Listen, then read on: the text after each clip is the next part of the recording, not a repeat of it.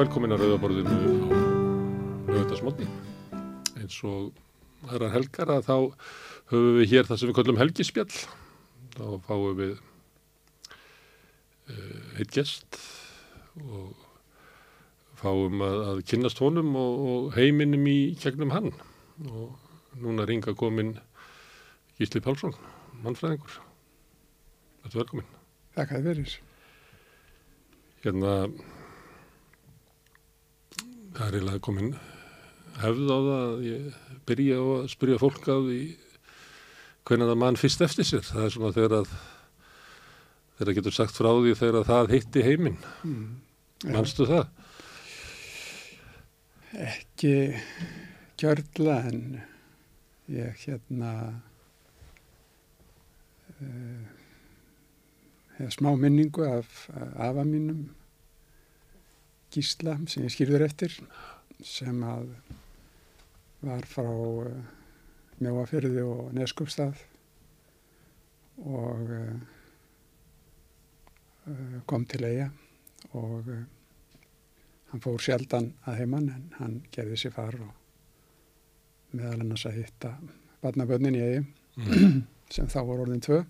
Ég hugsi að það verið svona fimm ára og já, mynda af honum við húsið mitt Bólstað, mm.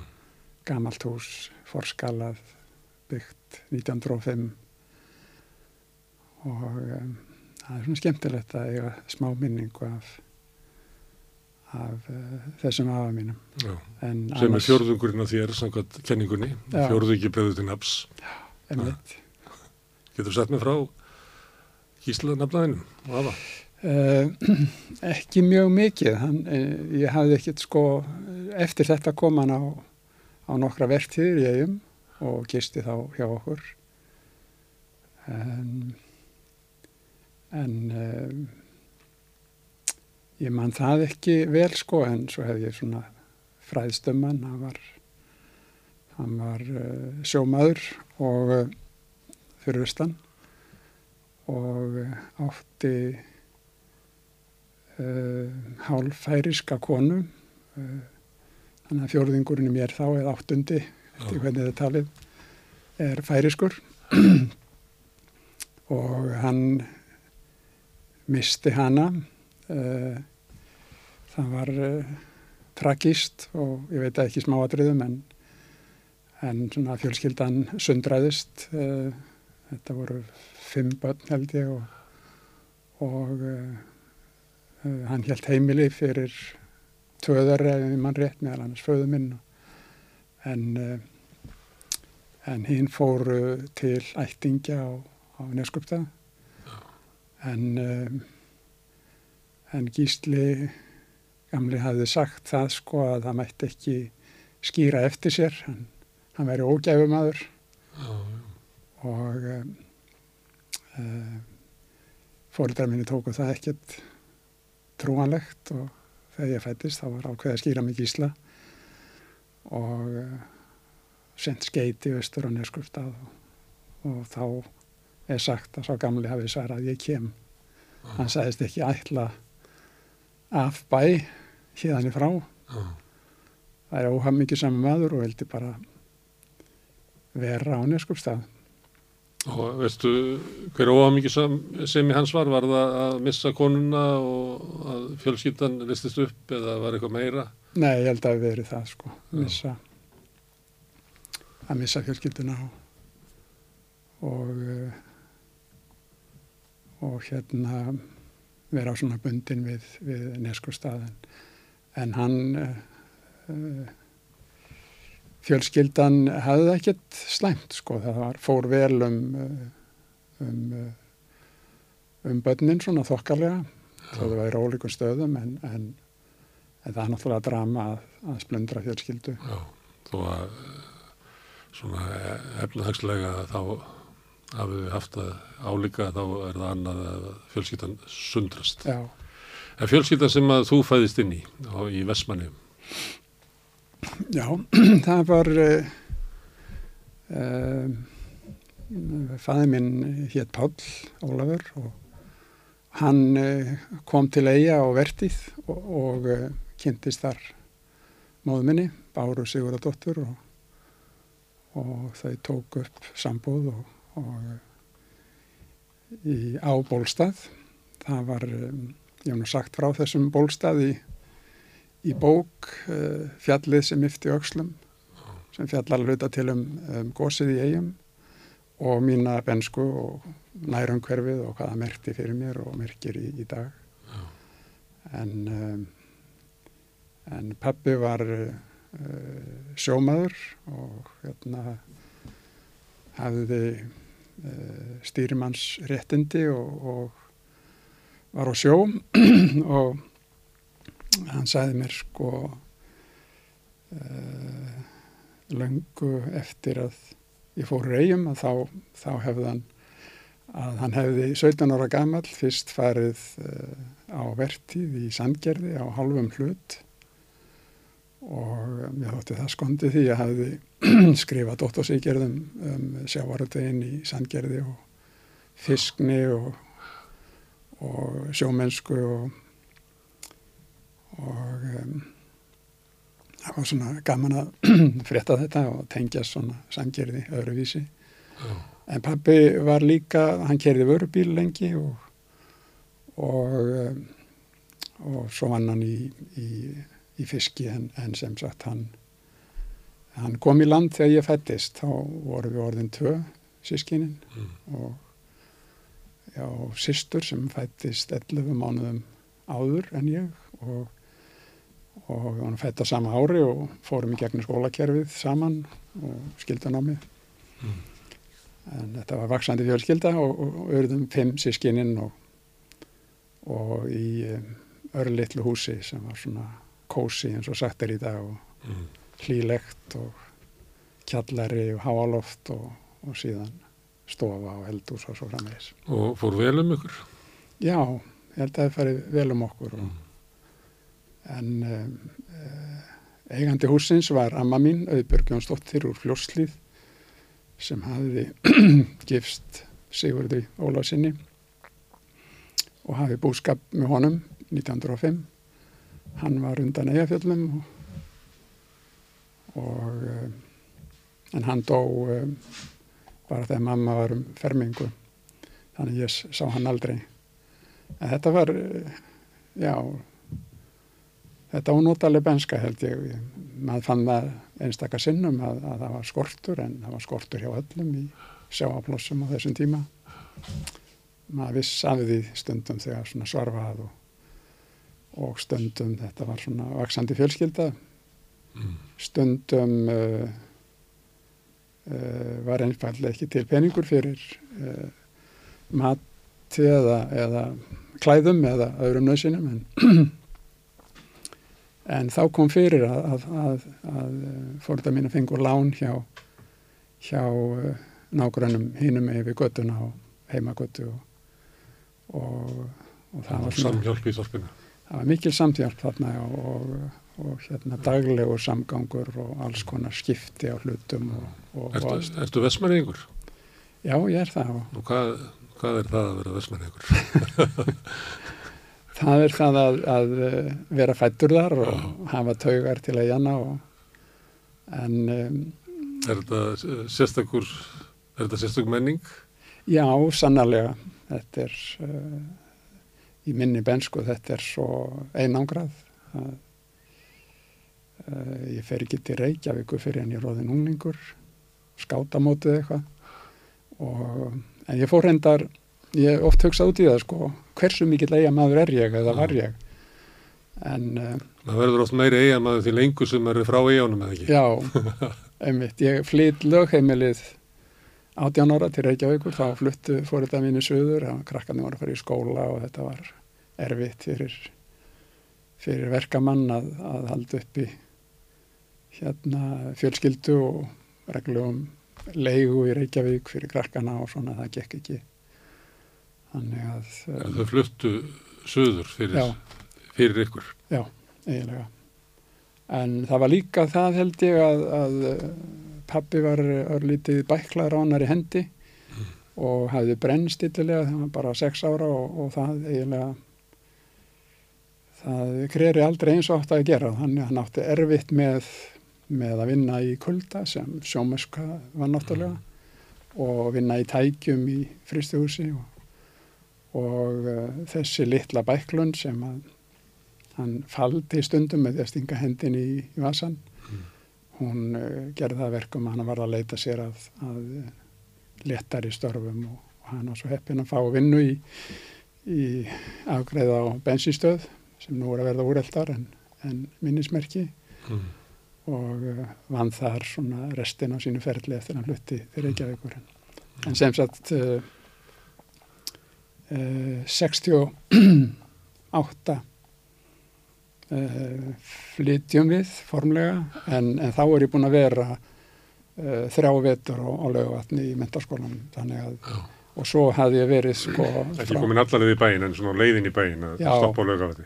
Einmitt. En svo hafði ég líka verið sko í sveit hjá ættingi mínum í landegjum í sex sömur á sex ára aldri svona til að leta á býsti við á heimilinu og, Mm.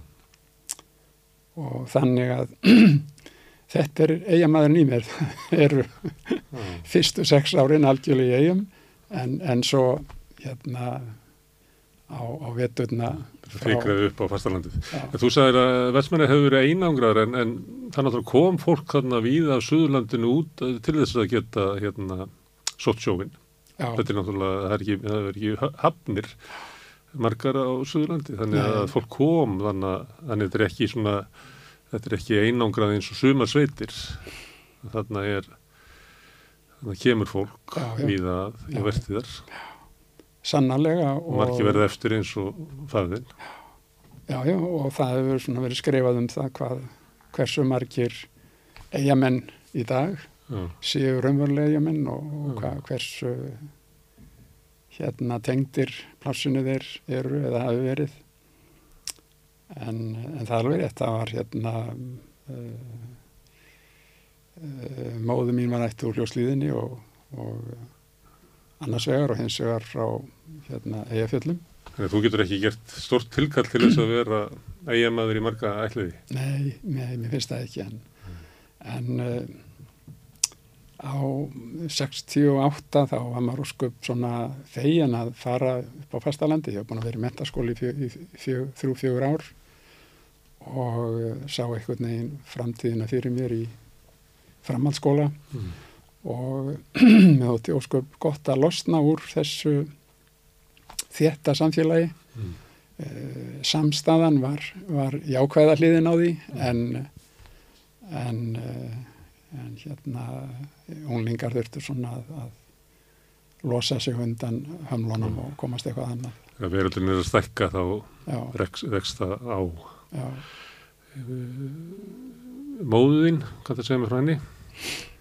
Hún var uh, mjög flink og uh, eins og hún orðaði eitthvað tíma sjálf, ég hef ekki orðið hvað sem ég vildi en uh, hún ólst upp uh, hjá móðu sinni og, og fannst hún einhvern skuldbundin að sinna henni. Og sagði í spjalli við mig ekkert löngu áður hún dó að um, uh, um móðu sína, auðbjörgu, við skildum aldrei. Og sá uh, frasi hefur einhvern veginn sitið í mér. Hennar Mm. skildur voru við móðu sína og hún uh, var einn vetur á, á, á lögvetni í uh, það sem nú er hér á skólinn Já. en um, að öru leiti var hún bara í eigum þangað til hún flutti til Reykjavíkur Mm. Og upplýði hún og hún hefði svona fórnað einhverju fyrir móðu sína og skildur sína kakað tvörsýtunni. Nei, ekki beint. Hún var alveg sátt við sitt hlutskipti en, uh, en þetta var hlutskipti hvenna á þessum tíma og hún átti eldri bróður, Óskar, sem var svona stöndugur og stopnaði, held ég, vinslustöðina og átti stóra báta og, og þar hafði til göttunum og hafði mentast að hluta til í Þýskalandi og Vestlunarskólanum minni mig. Og um, og svo ótt hún uh, aðra systur sem fór að heimann og, og setti staða á Eirabakka og, og strögglaði við berkla og alls konar sjúkdóma þannig að það trublaði fjölskylduna mikið á okkur tíma en, en uh, móðu mín lifði góða lífi og vann uh, var fyrst og fremst heimavinnandi og upp þessi fimm börn en um, stundum vann hún í bókabóðin í Vestmannegjum og átti auðveld með að læra en, en, en það lág ekki fyrir henni. En hún læti aldrei svo á hún hefði fornan einu þetta var bara hennar líf og, og sátt við sitt hlutskipti. Hérna, hún var með sterkar rætur í, í eigum heldur en fæðin Já, og svona þegar þú ert að lýsa þeim að þá er eins og hún sé svona sterkari á einhvern hátt.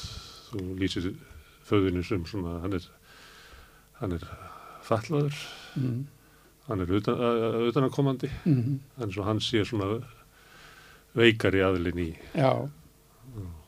Að vissu leiti og þú talar líka um hann eins og sér að venda já, Já, kannski. Já, en, eh, en þau voru ólík en, en afar samrýmt já, og uh, ég held að mamma hafi, það var náttúrulega eðlilegt að að pabbi var á, á sjó þanga til ég fættist held ég og uh, eftir það í fristi húsi og mikilvægt að vinna, bjarga aflanum. Já, og, uh, og veru bílstjórið þá var oft verið að landa og keira sko, bara allan sólaringin já. en um, þannig að maður sá minna af honum nema kannski landlegum og helgar. En en um, en hann var rosalega hlýr og skemmtilegur og, og ekki að merkja það að hann hafi skattast neitt á því að alast upp í sundræðri fjölskyldu á Neskustad. já. En mamma er ströngu ákveðin að Nei, hún var ekki Stundum strönd. það þannig í svona sjómanafjölskyldum að því að Já. konunar eiginlega ráku allt sko, Já. kallandi bara unn og unn Einmitt. svo þegar þeir komu heim að þá fengu þeir að vera sko blíði í faðmurinn og svona á meðan að konunar þurftu að láta þetta allt ganga Já, já. það var nákvæmlega. stundur svolítið Nákvæmlega og ég fjallaði svolítið um það síðan meir sko, þetta Já. er alþekkt í sjáaplássum við Norður-Allandshaf. En uh, gleymi svolítið þegar að vera að tala um karlmennsku og eitthvað sliðis að það er, það er sterk hefð fyrir þessum, þessum blíðu körlum þarna. Mm. já, já. En, eh, en hann var flott móðu mín sko og, og hérna uh, sterk. Uh, ég myndi ekki segja hún að verið hörð en hún hjælt okkur einhvern veginn við efnið og við lærðum öll eitthvað, Já, þessi fimm sískinni. já, og uh, þó það væri allt saman ljúft og þá dreifum þetta áfram. já. Svo fóru þá leið sem að hún hefði getað farið þegar fór ekki. Já, Já. Þetta er þau, á þeim tíma þegar hérna, börn aldrei fólks eru að vinna sig upp um stjætt já, já, og þá er metnaðurinn að verði eitthvað úr börnunum Já, og allt þetta. já. Þannig að þú ert alveg í hápunktinum á þeim svona anda já. að leiðin, Fimm árum áður hefði svona strákur bara verið í eigum. já, En uh, móðu mín, hún átti auðvöld með að læra og uh, hún sagði það eitthvað tíman að uh, skólastjórin í Gagfræðaskólanum í eigum, eða hvað það hétt á þessum tíma, hann, hann hefði svona kvart hana til þess að halda áfram uh, námi en henni fannst hún bundin af móðu sinni og vildi ekki fara neitt nema þennan eina vetur á, á lögavatn Mm. en þetta var viðþorfið eins og ég sagði og en uh, í mínu tilviki það, það segir svolítið um, um uh, viðþorf til mentunar í þessum sjáaplássum um, um uh, miðja síðustu öld að ég var í árgangi í eigum sem var cirka tæplega hundra krakkar mm. og, og aðeins átta úr þessum árgangi fóru í landspróf. Mm. Það er svakalega lítið og sem var sko aðgöngum miðina framhaldsnámi. Það voru tveir í hópnum í landsprófi, við vorum tíu sem sagt, þeir sem voru úr árganginum og undan og voru að endurtaka eða eitthvað slíkt Mm. en, um, og í þessum tíu manna hópi var ein stúlka Já. þannig að þetta segir töluvert úr þessu þorpi Já. eða bæ fjögur, fimmtúðsund manna plossi voru uh, Framtíð var eiginlega klár bara fyrir megin þorran að fara á sjóin eða fara Já. að vinna í fiski eða já, hlaða niður börnum eins og það getur sett. já, Mm. já en, en svo er svona aðeins farið að losna um þetta þegar ég sest í landspróf ég gekk við í skóla og það svona lábeint við en um, sýstu minni gekk líka mjög vel Mm. sem var hér byrja ára eldri en ég og hún fór í gagfræða, gagfræðapróf og, og kannski var það hefðin sko. Hérna, marstu alveg við ást, fannstu að þú varst elskaður? Já, þetta var mjög hlýr fóreldrar Já. Þó ég sæði minna af föðu mínu þá var hann ákvæmlega hlýr og hlýrri heldur um móðu mín held ég Mm. kannski hafði hún svona agan meira Mm. þannig að uh, ég held ég hef ekki farið á misvinn eitt slíkt þetta var mjög notalegt umhverju og og amman sérstaklega sem var alltaf til staðar fróð og sagði sögur og Mm. rakti ljóð og, og sögur og hljósliðinni og Já. Bladlaust, endalaust Já. Það er ekki aumt á Íslandi að eiga slíka ömmu. Nei, Svo, svo, svo lagsnir sem er hérna settur á sinni. já, Já. Þetta er náttúrulega mikil guðskjöf. já, já, Já. ég vildi hefði minni sko, en ég, ég man ekkit að þessu en, og ég vildi hefði skrifað það niður en e, óborganlegar sögur og hvæði. Ja, þegar þú ert þarna í eigum og eh, komin í landspróf að þá er svona heimurinn eh, búinn að stækka og, Mm. og þú upplifir það að, að kannski myndu ekki vera í eigum. Það er svolítið svona skref, hvað er það sem að, hvað er það sem að tógar þig eða ítir þér til þess að það er náttúrulega skólinn að hluta til.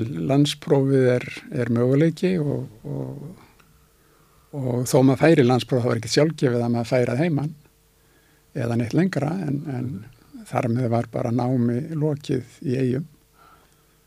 En um, um, mér fannst einhvern veginn sjálfgefið að fara í landspróf þó ég væri bara einn af þessum átta í Já. árgangnum og ég held ég að vera kvartu til þess og það var að sömuleiti um, hérna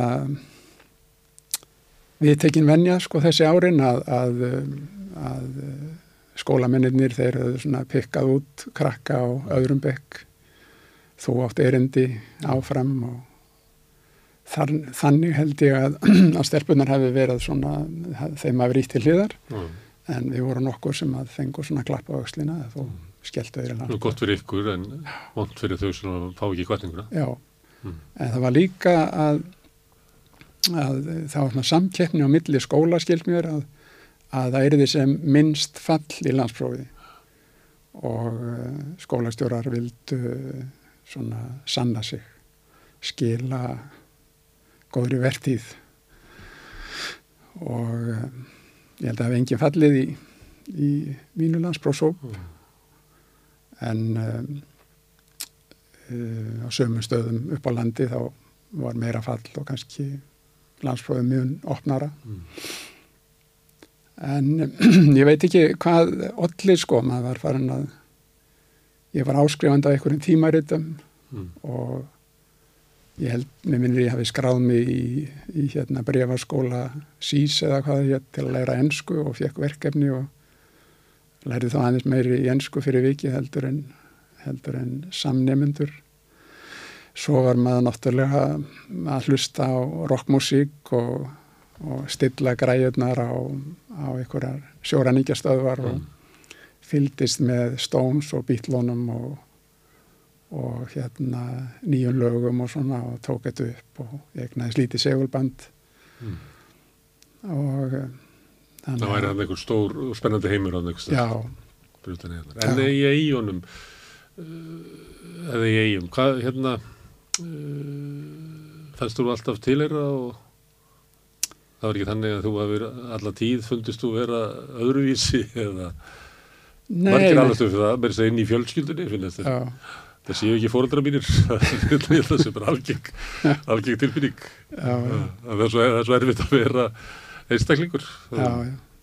Nei, nei, ég held ég að við litið á mig sem eigamann sem krakki sko og, og þessi sex sumur sem ég var í landíðanu sko, ég, ég sá alltaf yfir sko eyðið og í land og fylgdist með gúan á reiknum og, og þannig að ég saknaði eiga og, og svona síðustu árin sem ég var í sveit þá held ég að vera ósáttur. Ég var svona gerði þetta skildurekni og var ráðin svona vinnumæður Já, á sveitabæði og stundum var fjörðar og, og hérna nokkri krakkar og, og um, maður lærið allar íþróttir æfiði langstökk, stangastökk, hástökk, já, þrýstökk ekki mikið um bolta íþróttir en, en þetta var allt mjög þróskandi en, en, en maður var fegin að komast til eiga að hausti og en fyrir vikið þá dætti svolítið út úr um, krakkakultúrnum og, og svona fótboltaklíkonum og, og hvað það var alls saman sko en uh, en uh, já, maður, maður farin að hugsa svona svolítið út, fylgjast með fréttum og, og músík sérstaklega. Svo verðu í mentaskóla eða ferðu til á laugavatn Já, og það er mentaskóli. Ekkert svo gamalt þá eða eitthvað. nei, ekki svo. Ég man nú ekki hvernig hann á stopnaður en Jóhannes Hannesson var þá rektor, nei, að skólamistari var kallað og, Já, og um, hann var annar skólamistarinn í sögu skólans og um, uh, uh, settist í starfræðideld um, en hafði áhuga á mörgu en svona ég held mér hefði leiðis svona síðasta árið þá fannst mér þetta orðið einangrað og, og monotón þetta er fara lengra. En hvað, hvað ár eru þetta sem þú verðt? Ég mm, skráði mig í ML sóttum og mér minnir ég hafi sóttum á Akureyri líka, Já, svona til vara. Og hópurinn sundraði svolítið sömur já, völdu það en þetta er 64 já, sem ég sest á lögat og útskrifast 69 en uh, Jóhann uh, skólamistar hafði mikil áhrif á mig og, og uh, mjög minnistæður karakter. Hvernig þá? Hann uh, uh, kendi mér eitthvað í ennsku en konan hans Winston líka. Og það var gott að fá ennskuna sem var síðan mitt fræðamál. Já, og kannski hjálpaði ég að verið í brefaskóla sís Já. einhverja mánuði. Og svo var maður að reyna að læra sko textana hjá popljónsveitunum og þetta var svona svolítið engilsaksnist umhverfið þannig en Jóhann var, var hugsuður og uh, hann kallaði stundum á liðið á, á sal eins og var kallað já, í gamla skólahúsinu sem enn er í nótkunn og, og af einhverju tilefni, ég man ekki hver tilefnin voru allt endilega en, en, eh, en um, þar svona stormaðan yfir okkur sko, með uh, hugveikjum og um, það væri frábært að eiga þær já, messur í, á bandi en það er ekki til og stundum var hann með eitthvað miða sem hann hefði punktað eitthvað hjá sér en, en hann uh, bara svona intelligens og svona performance hafði maður ekki séð svona Mm. skólamaður, mentaður í Amríku og hafði mál og heimsbyggi og alls konar fræði og á valdi sínu og svo erum við kollegar kendum saman í MH og, og ég kendi þar í fjögur, fimm ár. Og, og það var erfitt að, að líta á Jóhann sem jafningja og kollega. Ég bar það mikla virðingu fyrir hann En var þetta kvartning til eh, nefnda um svona um að hérna standa sér vel sem einstaklingar og taka ábyrð og Já, mm, hann að vera móta, hann að vera hamra karakter ykkar. já, hann uh, hamraði því minn, minni mig að, uh, ég man ekki hvernig þetta var orðað en svona uh, hvati nefndu til þess að uh, að hérna hugsa ekki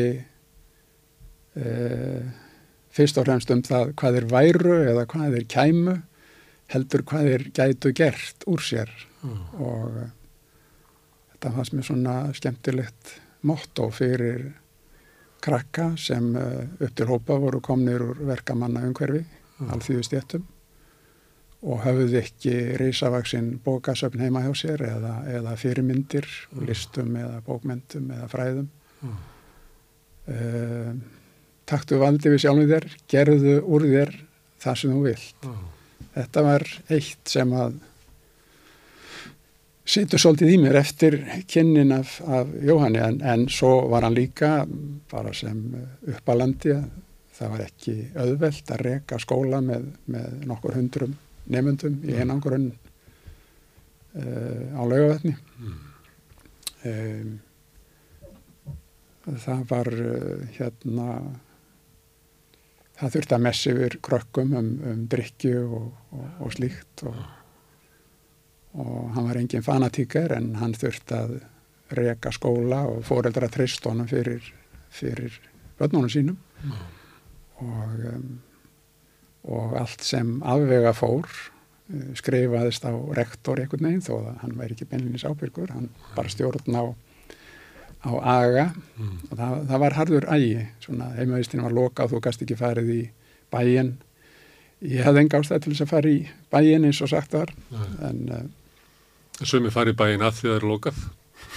þú, já, já, þú veist ekki þannig. nei, nei, nei, nei, ég hafði ekki neinn hús að venda, sko, Nei, nei, en, en það voru fólk hérna úr Reykjavík og Suðunessjum og þarna kynntist ég konu mínu, Guðni Guðbjörnsdóttur sem var að Keflavík Já. og um, hún vildi svona skreppa heimtísin stundum um helgar og þó og svona og vera í fæmi fjölskylduna. Það mátt ekki. Það þurfti sérstætt leifi, það var kannski ekki alveg útilokað en, en þannig þetta var svona hálgerð einangruna vist og, og var gífurlega einangrun sko, þarna var ekki sjónvarp fyrir enn í lokin Já.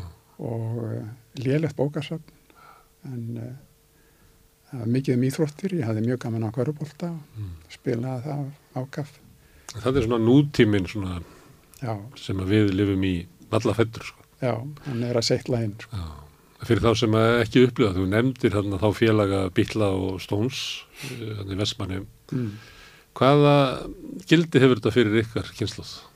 Í dag, Nei, ég meina bara að, að hafa, að ef að hérna, þeir félagar hefðu ekki komið til eiga eða verið þarna eitthvað stöðar á vappi og, og hérna, hafi náð svona langt, sko, það var náttúrulega ekki sjálfgefið, sko, kannski 20 ára síðar, þá hefðu bara ekki náð, þessi bylgja hefðu ekki náð allarleið til eiga eða inn, á, inn í afskiptan nei, En hvaða gildi hafði þetta? Hvaða, það, raskaði þetta bara, raskaði þetta heiminum bara? já, að mörgu leiti, sko. Eigamenn höfðu töluvert af músík, Oddgeir og, veila betri músík. Oddgeir og, og, og Ási voru svona Lennon McCartney. Já. og uh, ég var í lúrasveit og spila á trompet og hérna Oddgeir kendi og, og stýrði sveitinni og, og við performuðum á fyrsta mæ og sumadag fyrsta og svona ef ég maður rétt.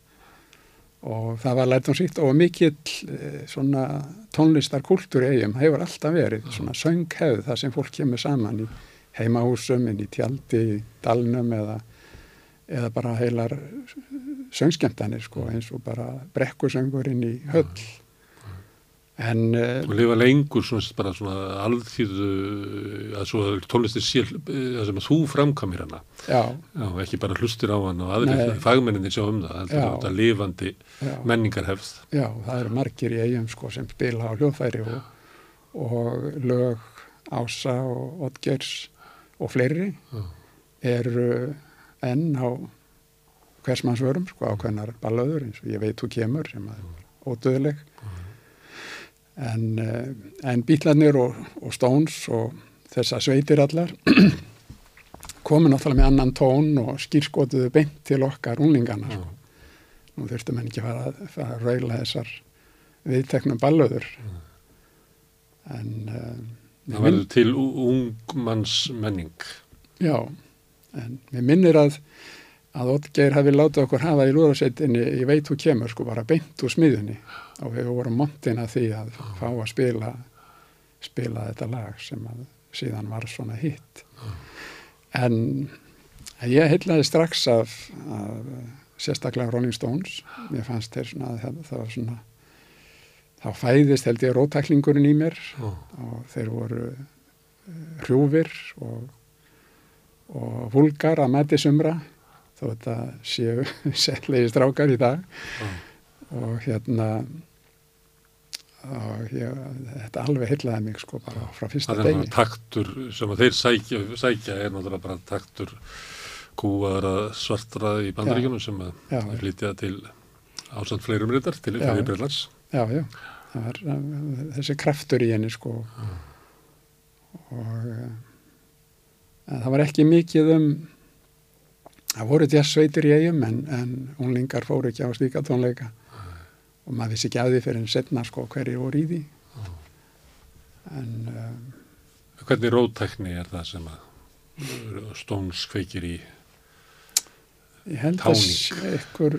eitthvað, svona óþekkt Já, já, að að hérna, ég man eftir svona, ég var að karpa við fóröldurinn minn, það var ekkit sjálfgefið að þetta eða hitt er þið gert svona. Já, og um, það er svona held ég svona í öðrum bekki skóla sem ég man eftir einhverjum senum, ekki smáatriðum en ég er svona farin að já, þessi, gæ- margt gæti verið öðruvísi en það er. Ég vil bara á heimilinu. En um, það er ekki sjálfgefið að maður hérna gangi inn í líf fóröldra sinna. já, Og það er kannski, er, eh, þessum eru kannski Stones og Bílandir afkvæmi bara síns tíma. já, að því að þetta, það, er það sem er að gerast alls þar. Er, þú ert hluti af sko fyrstu stóru kynsluðinni sem að rís upp um stjætt já, já, og eru með önnur viðhorf og er að hrista af sér. já, já. Mm. Já, og þetta var svona menningarbylting í eigum eins og annar staðar að, að hérna strákar fóru að láta hár sitt vaksa og, og ákveðin átökum það í skólanum og heimilum þó það væri rétt svona aðeins verða lafi yfir eirun. Já, já. En það hafði mikla merkingu. Já, já, og líka tískan sko, jakkar og Já, það hafði allt merkingu. Já. Allt til uh, svona attitút og Já. upprist sem að fólk stýði að Já, klæða sig með þessum hætti. já, svo kemur Bob Dylan Já, og hann var svona mitt góð og er eiginlega enn já, og hérna ég lærði á gítar uh, á háskólarunum að guttla svona einhver grip og, já, og kefti með bækur meðal annars já. lögadillans og Já. spilaði þetta fram og aftur bara fyrir sjálfan mig.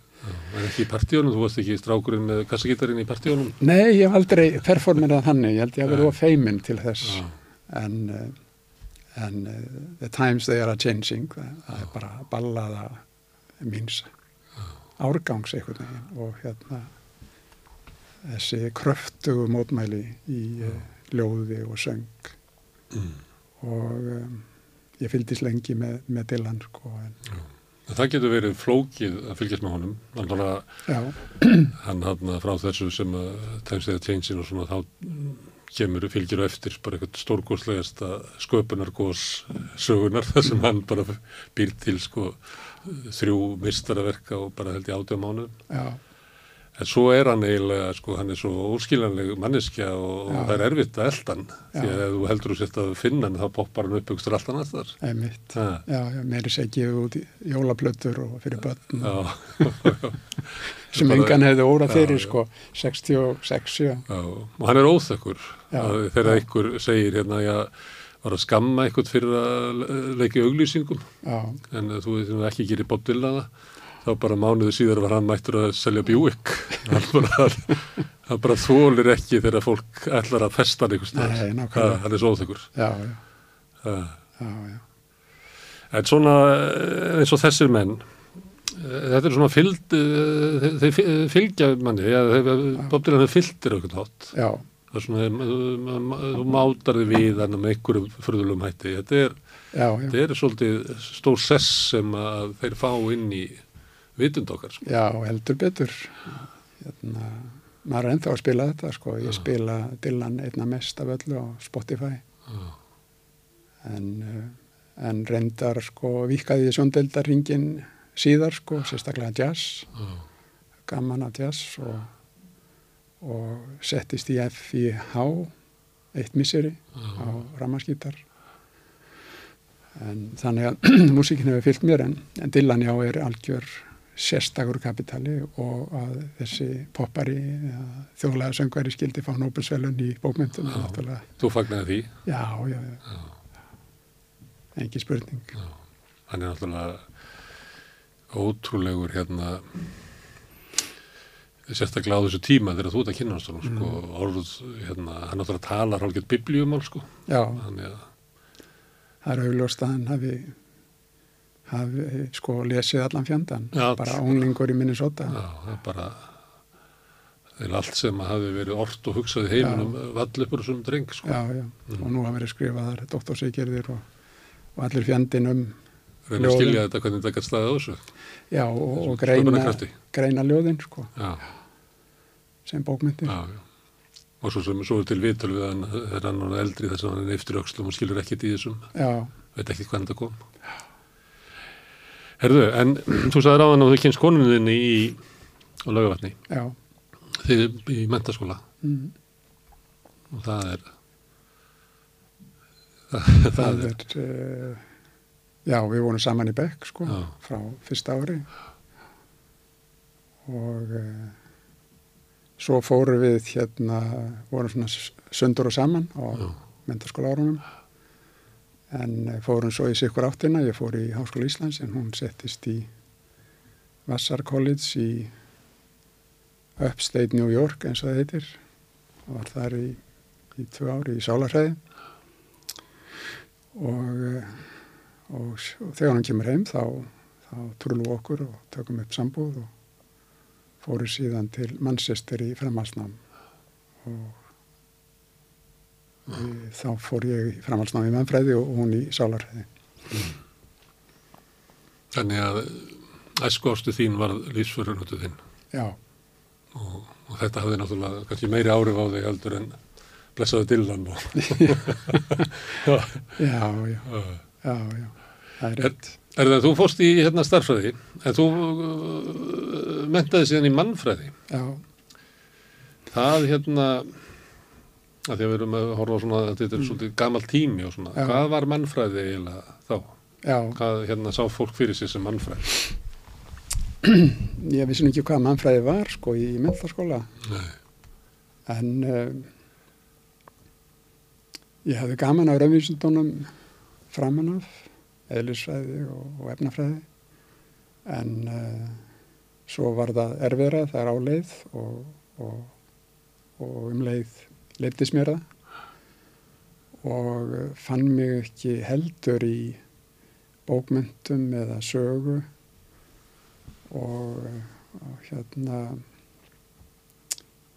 þannig að setni hluti mentaskólans var svona svolítið þref mm. en um, ágættis bekkur og hópur, þetta var svona stærri árgangur heldur en hafði tíðkast á lögavetni og, og margt brallað og íþróttum og, og hérna fundahöldum og svona en, en um, um, það er svo á síðustu tvö árun á lögavatni þá er svona vakna á hverjum rótækni og uh, með minn er ég hafi stopnað uh, málfundafélag málfundafélag sósialista þá 16 ára gamall þetta var svona lítil sella og, og, og við böðum austur stundum einhverjum kanónum um Reykjavík úr Reykjavík til þess að tala við okkur og Hverja voru kannunar í Reykjavík þá? eh, Leifur Jóhelsson Jóhelsson mætti einu sinni og, og hérna eh, Ég kynntist honum aðeins hérna senna. Já, já ég, ég líka sko, en, en ekki mikið. En, en Já, það er góð spurning, hverjir voru, maður er gaman að grafa upp Já. skjöl ef til eru, en uh, Þetta er svona, þetta er róstustími svona eftir að alltið Já. bandalega verið stofnað, þetta er þegar æskulisfylkingin er að slíta sig frá og verða Já. farfugur fyrir svona meiri rótakni ungu já, áður en að svona fylkingin tekur yfir, þetta er svona spennandi tími. já, Já, það er það. En uh, það, ég held að hafi haft svolítil áhrif á okkur að, að uh, Þór Vigfusson kendi okkur þýsku. Já, og ég var í þrjú ár í þýsku hjá Þór og hann var skemmtilegur kennari og líflegur og og uh, og hérna ég held að það hefði verið sterkasta fæði mitt í, í mentarskólan, það var þýska. Og ég var mjög hrifin á honum sem karakter og, og því miður ræktaði ekki það samband eftir ég fór að laugavatni en svona ég vissi á honum í stjórnmálasamstarfi í borginni og, og við hittumst á einhverjum fundum í alþjóðbandalæginu þar sem ég endaði um, um skeið. En En hann, uh, hann var oft með þýska texta sko um uh, meðlisvæði sem var náttúrulega gaglegt að því var á í, um, í starfræði braut en hann var líka með, með svona hálf pólitíska texta og, og maður vissi af hans uh, austur-euróska ferli og pólitíska starfi. Og hann var svona karakter og lúfurkennari og, og hérna markaði sín spór sko. ég, mér minnir að hann hefði komið að fundi á okkur eitthvað tíma þessari litlu fátæku sellu. Já, en ég man bara ekki hverjir nei, Jóhann Páll Átnason var einn af fyrirmyndunum. Já, og væntalega um það leiti er að hann að sækja um starf í Reykjavík kanna, Háskóla Íslands en það var svolítið síðar og og eh, og, eh, og það er svona kapitul út af fyrir sig hvernig háskólinn hafnaði honum. En jó, hann varð alþjóðlega stjarna já, og síðust ár hef ég kynst honum sem persónu heimsótt hann á Akureyri og, og synt honum þegar hann er í bænum. Og uh, það vil svo til að hann var uh, held ég tvisar á þessari stofnun í, í uh, Uppsölum sem ég hef verið á. Og og það hérna fór ekkert fram hjá mér sko að hann var svona stjarna í uh, ég var alltaf litið mikið upp til hans. Ég las uh, bók hans Þættir og sögur sósialismas á sínum tíma já, uh, hann er sjálfsagt ekki stoltur af því verki í dag heyris mér en hann þekkir söguna vel og En hann fekk ekki framgang á Íslandi vegna Nei. stjórnmálaskona sinna. já, ég fór í gegnum þá affæru uh, greina sem hún skrifaði í morgunblæðinu og, og uh, álittanir í háskólanum og ég held að það sé ljóst þegar uppi staðið að að, um, að hann fekk ekki brautargengi vegna myndra pólitískra skoðana. Að menn og töldu að uh, það myndi lita þessi stjórnmála afskipti hans eða, eða fræðilegur áhugið það myndi lita uh, félagsvísindi sem þá voru í burðalinum og svo var nú eins og háskólinn skammaði sín og, og gerði hana heiðustóktor fyrir nokkrum árum ég vissi ekki af því, ég hef líklega verið ellendist þegar það gerðist en en, uh, en hún er þótti væntum það veit ég Já.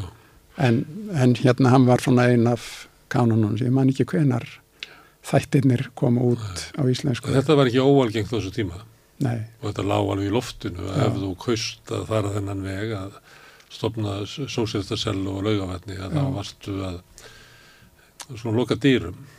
Já, Það hefði ykkur getað ráðlagt þér að sleppa þessu bara og já, vera bara þægur. já.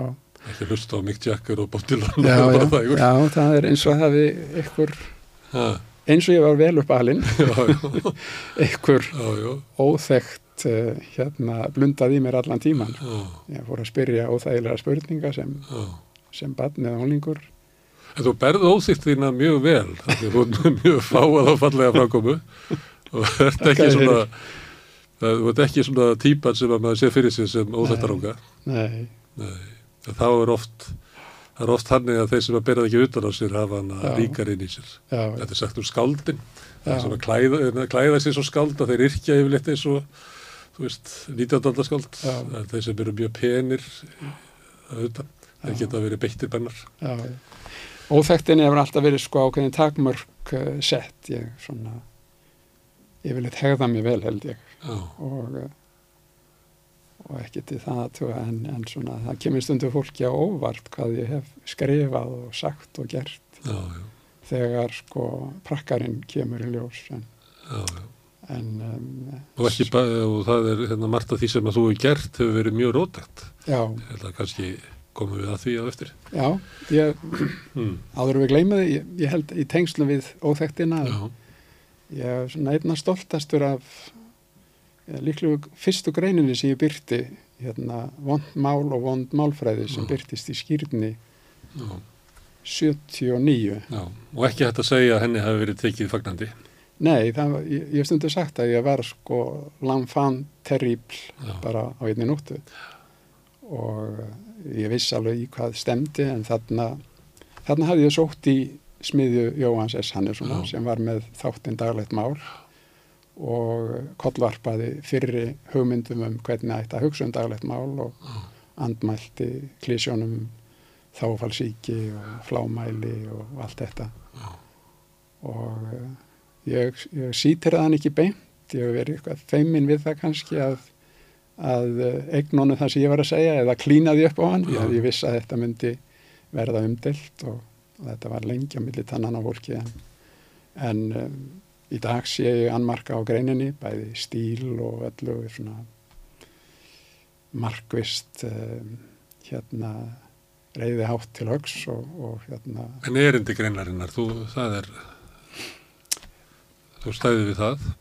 Já, já, greinin og, og það er nú merkilegt að málfræðingar hafa tekið undir, undir sko mín sjónamið síðust árin og, og uh, þannig að ég get ekkert hvart að þetta móti sko er- en, en ég En var það sem þú ert að segja í greininni fyrir þá sem ekki já, eru með skýrn upp í hillu til þess að þetta upp, nákvæmlega. Að þá ertu eiginlega að, að taka upp hanskan fyrir þá sem að, að hérna, eh, hvað að segja, svona eh, íslensku löggan hefur hafa verið að lemja já, fyrir að hafa talað rámt mál. Já, og þú ert að taka upp hanskan fyrir þá sem ekki, já, já, ekki fallið þann þröngur sem að var mjög þröngur rammi, þú, bara, þú máttur ekki mistiga því og það er náttúrulega þannig enn og ég meina við þekkjum það, þetta er Já, að til dæmis fólk sem hefur flust til Íslands er að kvarta yfir að það má ekki sko, þótt að bara sé ekki fræðilegu möguleiki á því að tala íslensku án hreims og kemur hingað á fullurisárum já, að þá er það, hérna, þarf það að,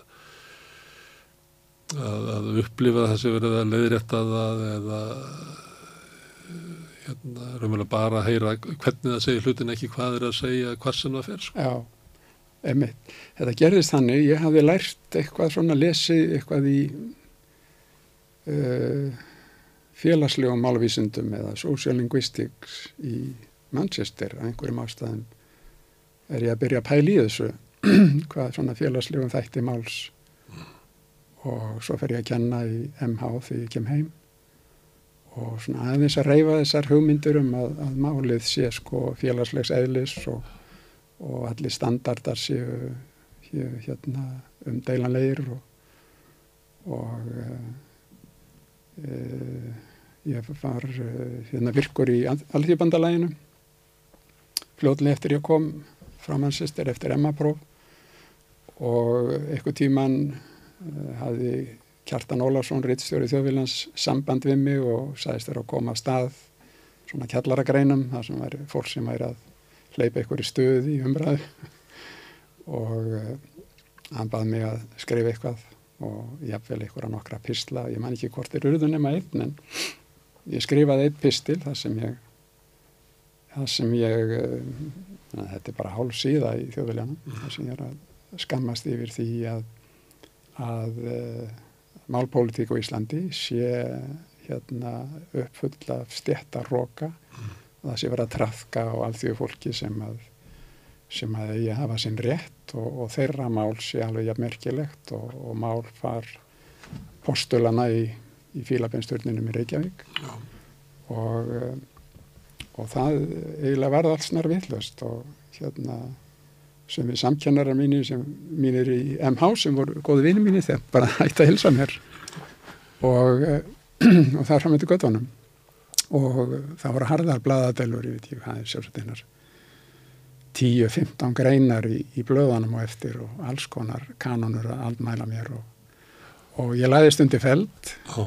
og hérna það var hart sótt að mér og ég eitti heilu sumri í að lesa það sem að hérna uh, málpolítikusar á Íslandi höfðu verið að skrifa og hérna og uh, greina rökin sem þeir höfðu notað til þess að uh, mæla fyrir þessari málstefnu sem var þessum stöðlum um að þáfalls hérna, þáfallsíkina og, og hljóðvillin og allt þetta. Og það var mjög lært og skrikt ég eiginlega bara að hissa á því hvað þetta var sko í beinni í, í dagspyrtu sko Mm. mm. ljóst Já. þetta sem ég hafði svona einhverju tilfinningu orðað í, í um, rótækri þjóðvilegrein til Mm. þess að hýta hleypa svona eldi í bólkvöstin Þau afhjúpuðu svona stjættarhrókan Já. og að raunverulega er tungumali nota til þess að halda fólki Það fyrst og reynst lástjættunum, ungu fólki, nákvæmlega öllu sem standa veikt. já töldu það bara sjálfsagt. Já, já, nákvæmlega og ég, það endaði, sumrið endaði með, með því að ég skrifaði ítalega grein þar sem ég hérna greindi þessi rök og, Mm. og síndi fram á rókan í þeim og vísaði í, í félagsmálvísindalegan litteratúr í Evrópu og, og það var þessi grein eh, vond mál, vond málfræði og eh, og þegar ég les, les hana núna sko, eða flettinni þá, Mm. eins og ég segi það er alls konar nögrar í þessu og stíl og stöndur skotið við markið en, en hún var þörf á sínum tíma og, og hún ítti við fólki og, og síðan hafa aðri tekið upp þráðinn og, og Það er löngu setna, sko. það er löngu síðan það Sem að með fólk tekur upp þráðin eða ekki. Jú, löngu Það eru og, og þá eru 30, 30, kannski, pluss ár. já, þá eru það uh, málfræðingar eins og Eiríkur Rakvalsson Já. og fleiri sem að sem að sáu þetta, hann sá þetta strax í námi og og, og gaf mér kredit fyrir það í Já. nýlegri bók þannig að ég er sko sáttur en ég er svona montmastur af þessari grein Mm. að hafa þórað að segja þetta Já. í opið geðið á, á íslensku menningarelitjunni sko 1979 Að þú hefur leift óþægtar manninum Já. út já, í gegnum hérna kurtis og hófstilta framkomiðina. já en, Leift, en, leift honum að skrifa já, grein. já einmitt. en uh, hann, uh, við þum komið að því síðar kannski þessi stráklingur sko Já. kemur nú víðar fram í Já. verkum mínum sko en Já. svolítið öðruvísi maður hamið hann En, en þú skrifa grein í þjóðulan, svo skrifur grein í skýrni. já, Það er endalust greinar um hvað þú ert villus og, hefur langt fyrir þér og hættulugur og allt það. já. En svaraður að þessu. Jú, ég svaraði meðan orðræðan gekk sko, þá voru margir sem að, hérna, þekktir málfræðingar sem önnuðust þessa málpólitík sem Já. andmæltu mér og Fáir sem að stigu upp þér til varnar. já, Eiginlega engin. eiginlega engin sko, Já. en uh, ég var svona í sambandi við Jóhannes Hannesson sko, sem hafði Mm. plækt akkurinn og þó ég sítiraði hann ekki beint, við verið að verja hann kannski, Já. svo hann fær ekki með mér í svaðið, en uh, þannig ég vissi hvað ég var að gera, en, en En þetta að vera svona undir árásum, þetta er flóki sko, á maður að svara. já, Ekkert tíma ráðlaði hérna, maður mér hérna, ekki svara nema hafi við ykkur að bæta sann, sem Já. mér finnst vera góð regla sko, já, að því að stundum vill maður náttúrulega bara kýla tilbaka sko. en Þetta er flókið að að hérna, að vera svona já, undir árásum. Já, og þá einmitt stundum verður fólk hissa á því að það er enginn sem að nei, það, það er töff og maður er eiginlega sko jæðraður já, og þe- þessi íslenska menningarelita á þessum tíma, hún var svo samnjörfuð og þetta var svo sjálfgefið sko að maður var eiginlega hafnaði að vera mentamæður já.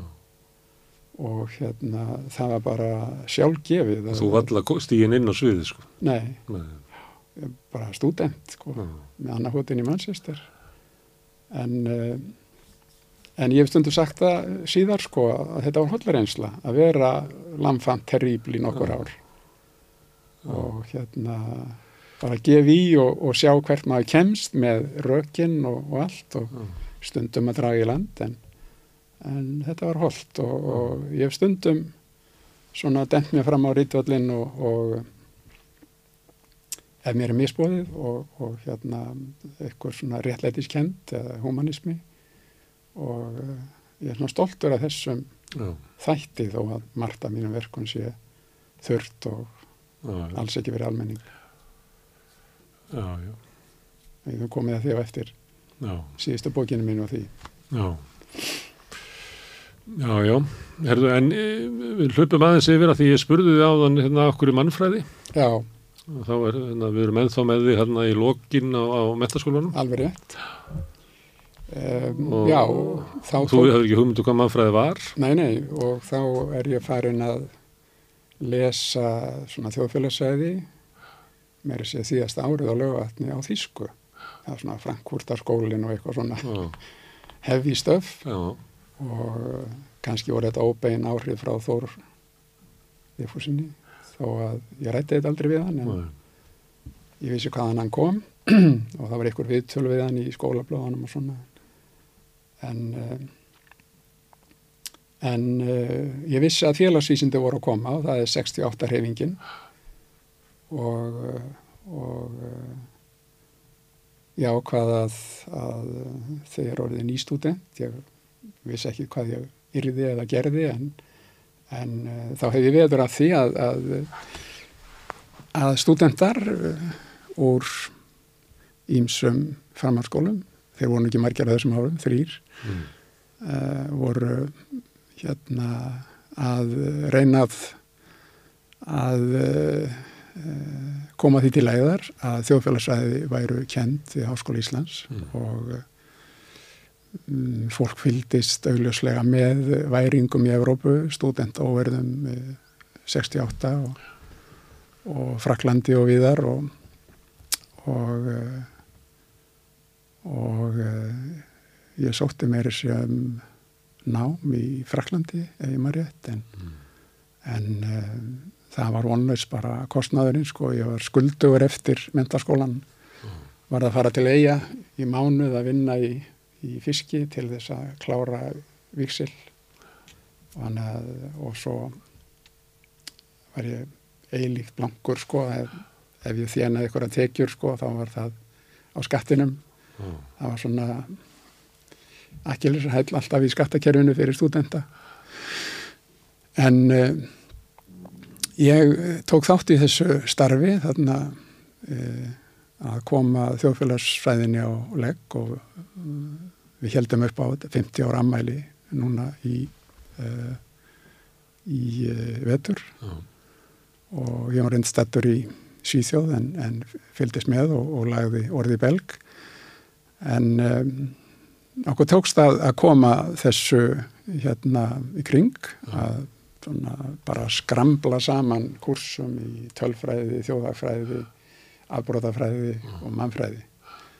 Og ég held að það verið á öðru ári en, en þetta var mjög skemmtilegu skóli, alls konar kennarar og íslenskir og erlendir já, alltaf vanefnum en, en furðu gór, góðu standard og kennarar og stemming og degla og allt hægt og rosalega degla. þegar eitthvað er að byrja það getur verið skemmtilegu tími. Já, rosalega og öflugt sko, var, maður, menn lærðu virkilega Já. sko, þetta var ekkit hangs þvert á móti með voru að lesa allan fjandan sem einhvern veginn kom þeim til góða og þessi aktivismi náttúrulega kveikti í mannum og, og hvati minn til þess að fara að pæla líka fræðilega í hlutunum og þannig ég er komin inn á, nefndunir sem að byggu til félagsfræði já, í háskólan já, ég er þá í þeim hópi sko, já. fyrsta kynnslóðin og við vorum Mm. Þannig þrýr þetta er afkvæmi eh, svona raunverulegra eh, 68 líðræðis byltingar það sem að nefndunir móta skólan já, einmitt og það er mikil degla, það er minnslegt að er að gerast náttúrulega en,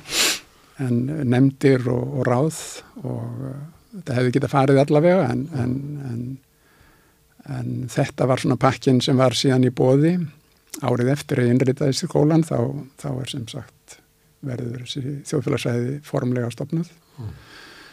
og, og ég sækja alls konar námskeið og, og, og hérna að því var svo blankur þá var ég að kenna í hálfu starfi í Kópavogi Mm.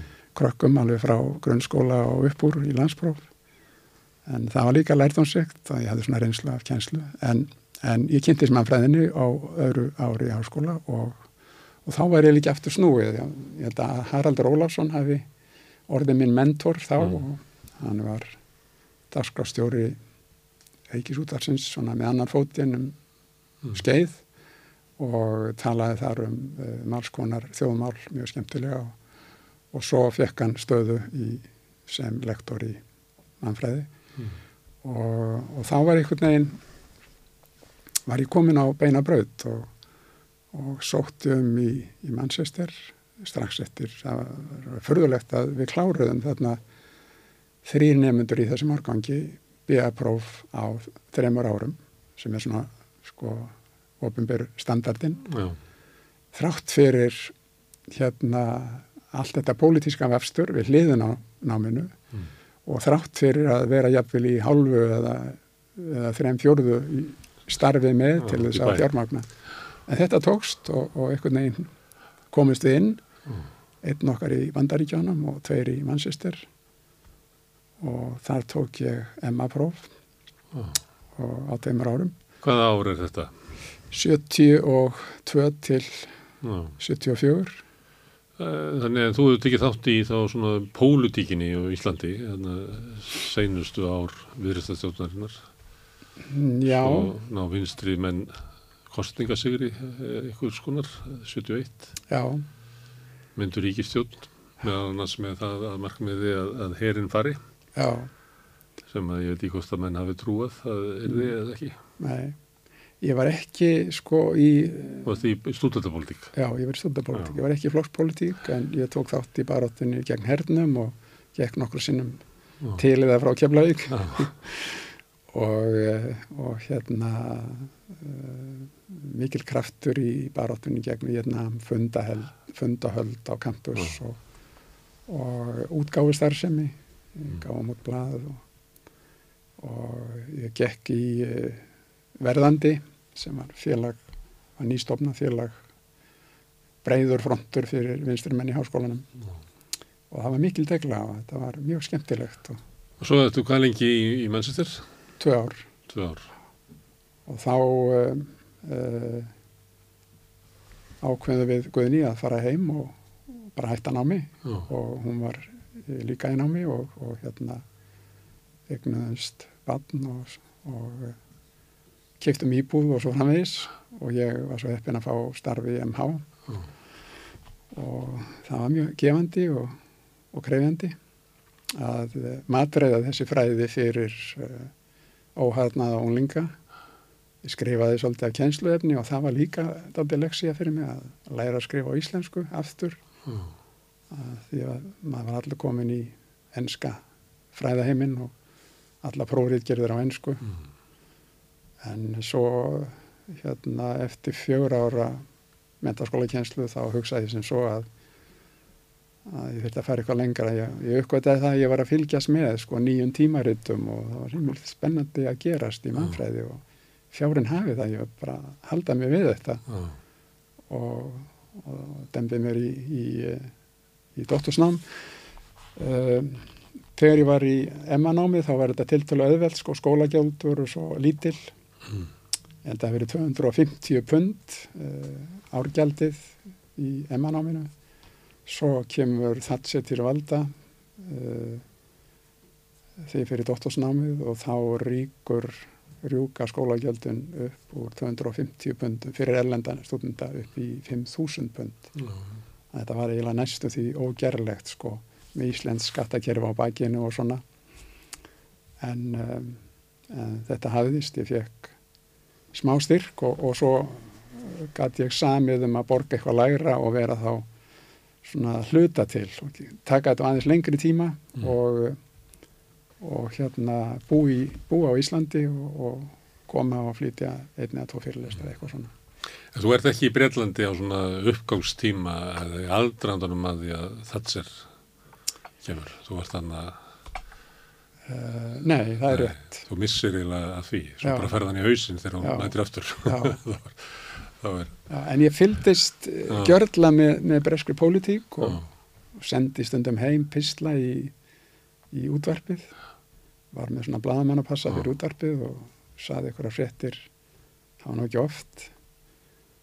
En, um, og ég, mm, ég fór einu svona á fund með Callaghan sem að leiðtói verkalýsmanna verkalýsflokksins já, þá og uh, ég man nú ekki þessar kostningar og er ekki minnugur á kostningastatistík eða slíkt en, en uh, ég kynnti svolítið bresku þjóðlífi og, En þarna vinnur eiginlega, þarna verða skipti, já, það er náttúrulega verður út um allan heim, en þarna eiginlega bara samfélagssáttmáli eftir því sorgana, mm, sem að kannski var svona eiginlega samkomlega um að við værum líklega á leiðinni til aukins jafnaðar og að, að hérna, jaðarsettir hópar myndu ná hérna, réttundum og öðlast virðingu og, og það var eða svona samilegt markmið okkar. mm, Ég er er hápunkturinn hérna eh, Johnson segir 64 held ég í Ann Arbor að hérna eina réttlæti ekki fyrir að hafa formlegt samfélag á millum okkar er að lifta upp hinnum veiku mm, og þjáðu.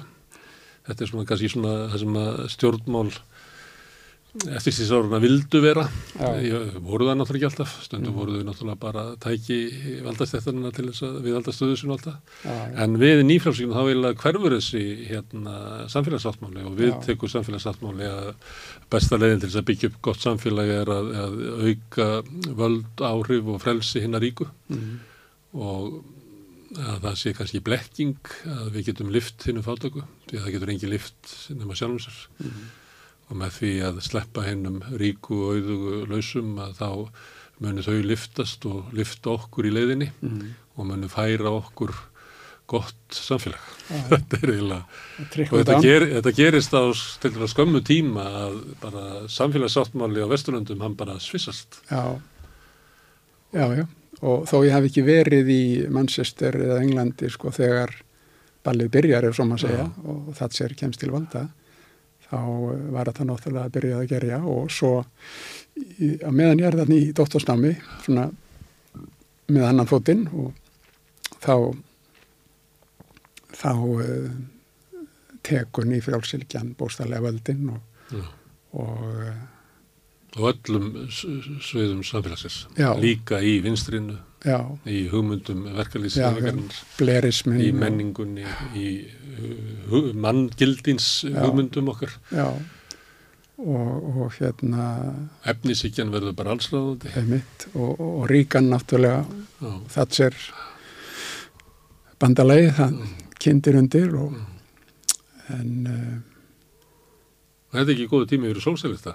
nei, Nei, alls ekki og, og uh, eða verkalýsreifingar og, og maður sá það hvernig þetta hérna það flætti undan rótækum reyfingum á pólitískum vettvangi.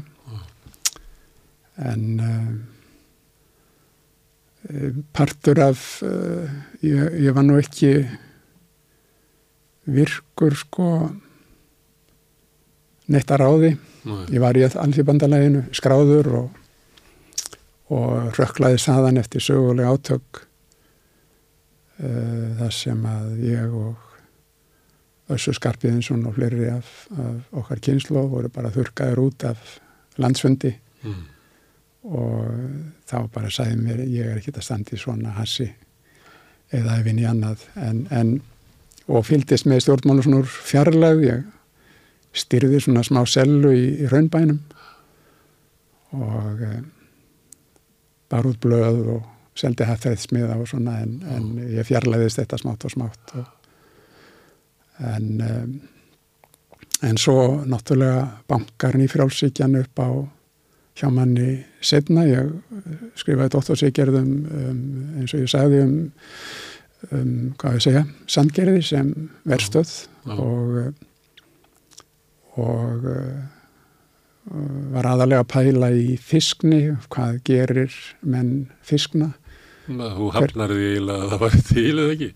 Jú, ég skrifaði, það var Þeir dóttur, fiskar sem róa er eiginlega niðurstaðan eða ekki? Jú. Því meira sem þú ræðir það, því meira fiskar þau. Það var ekki allir sáttu við þetta heldur. Nei, það var aftur, Þú takaði rómatíkina út úr þessu. já, það var svolítið, svolítið pólimikið því líka eins og Já. kannski í skipnisgreininni en öðru vísi en það var, þetta var svona, ég þóttist sína fram á það með, með tölfræðilegum gúnstum að, að uh, uh, það sem skipti mestu máli í fiskveðum væri hvað minn réru oft og hversu stór bátur og mörg net og, og svo framvegs og, og hérna sem sagt uh, þessar breytur Mm. þær útskýrðu mest í frávikum í afla í einni verstöð og ég haf með flott gögn og, og gerði ágætti skreininga þessu með aðstóð bandarískur kollegi sem að var svo heppin að að geta unni með, Pól Dörrumbergur frá Æjóa og Mm.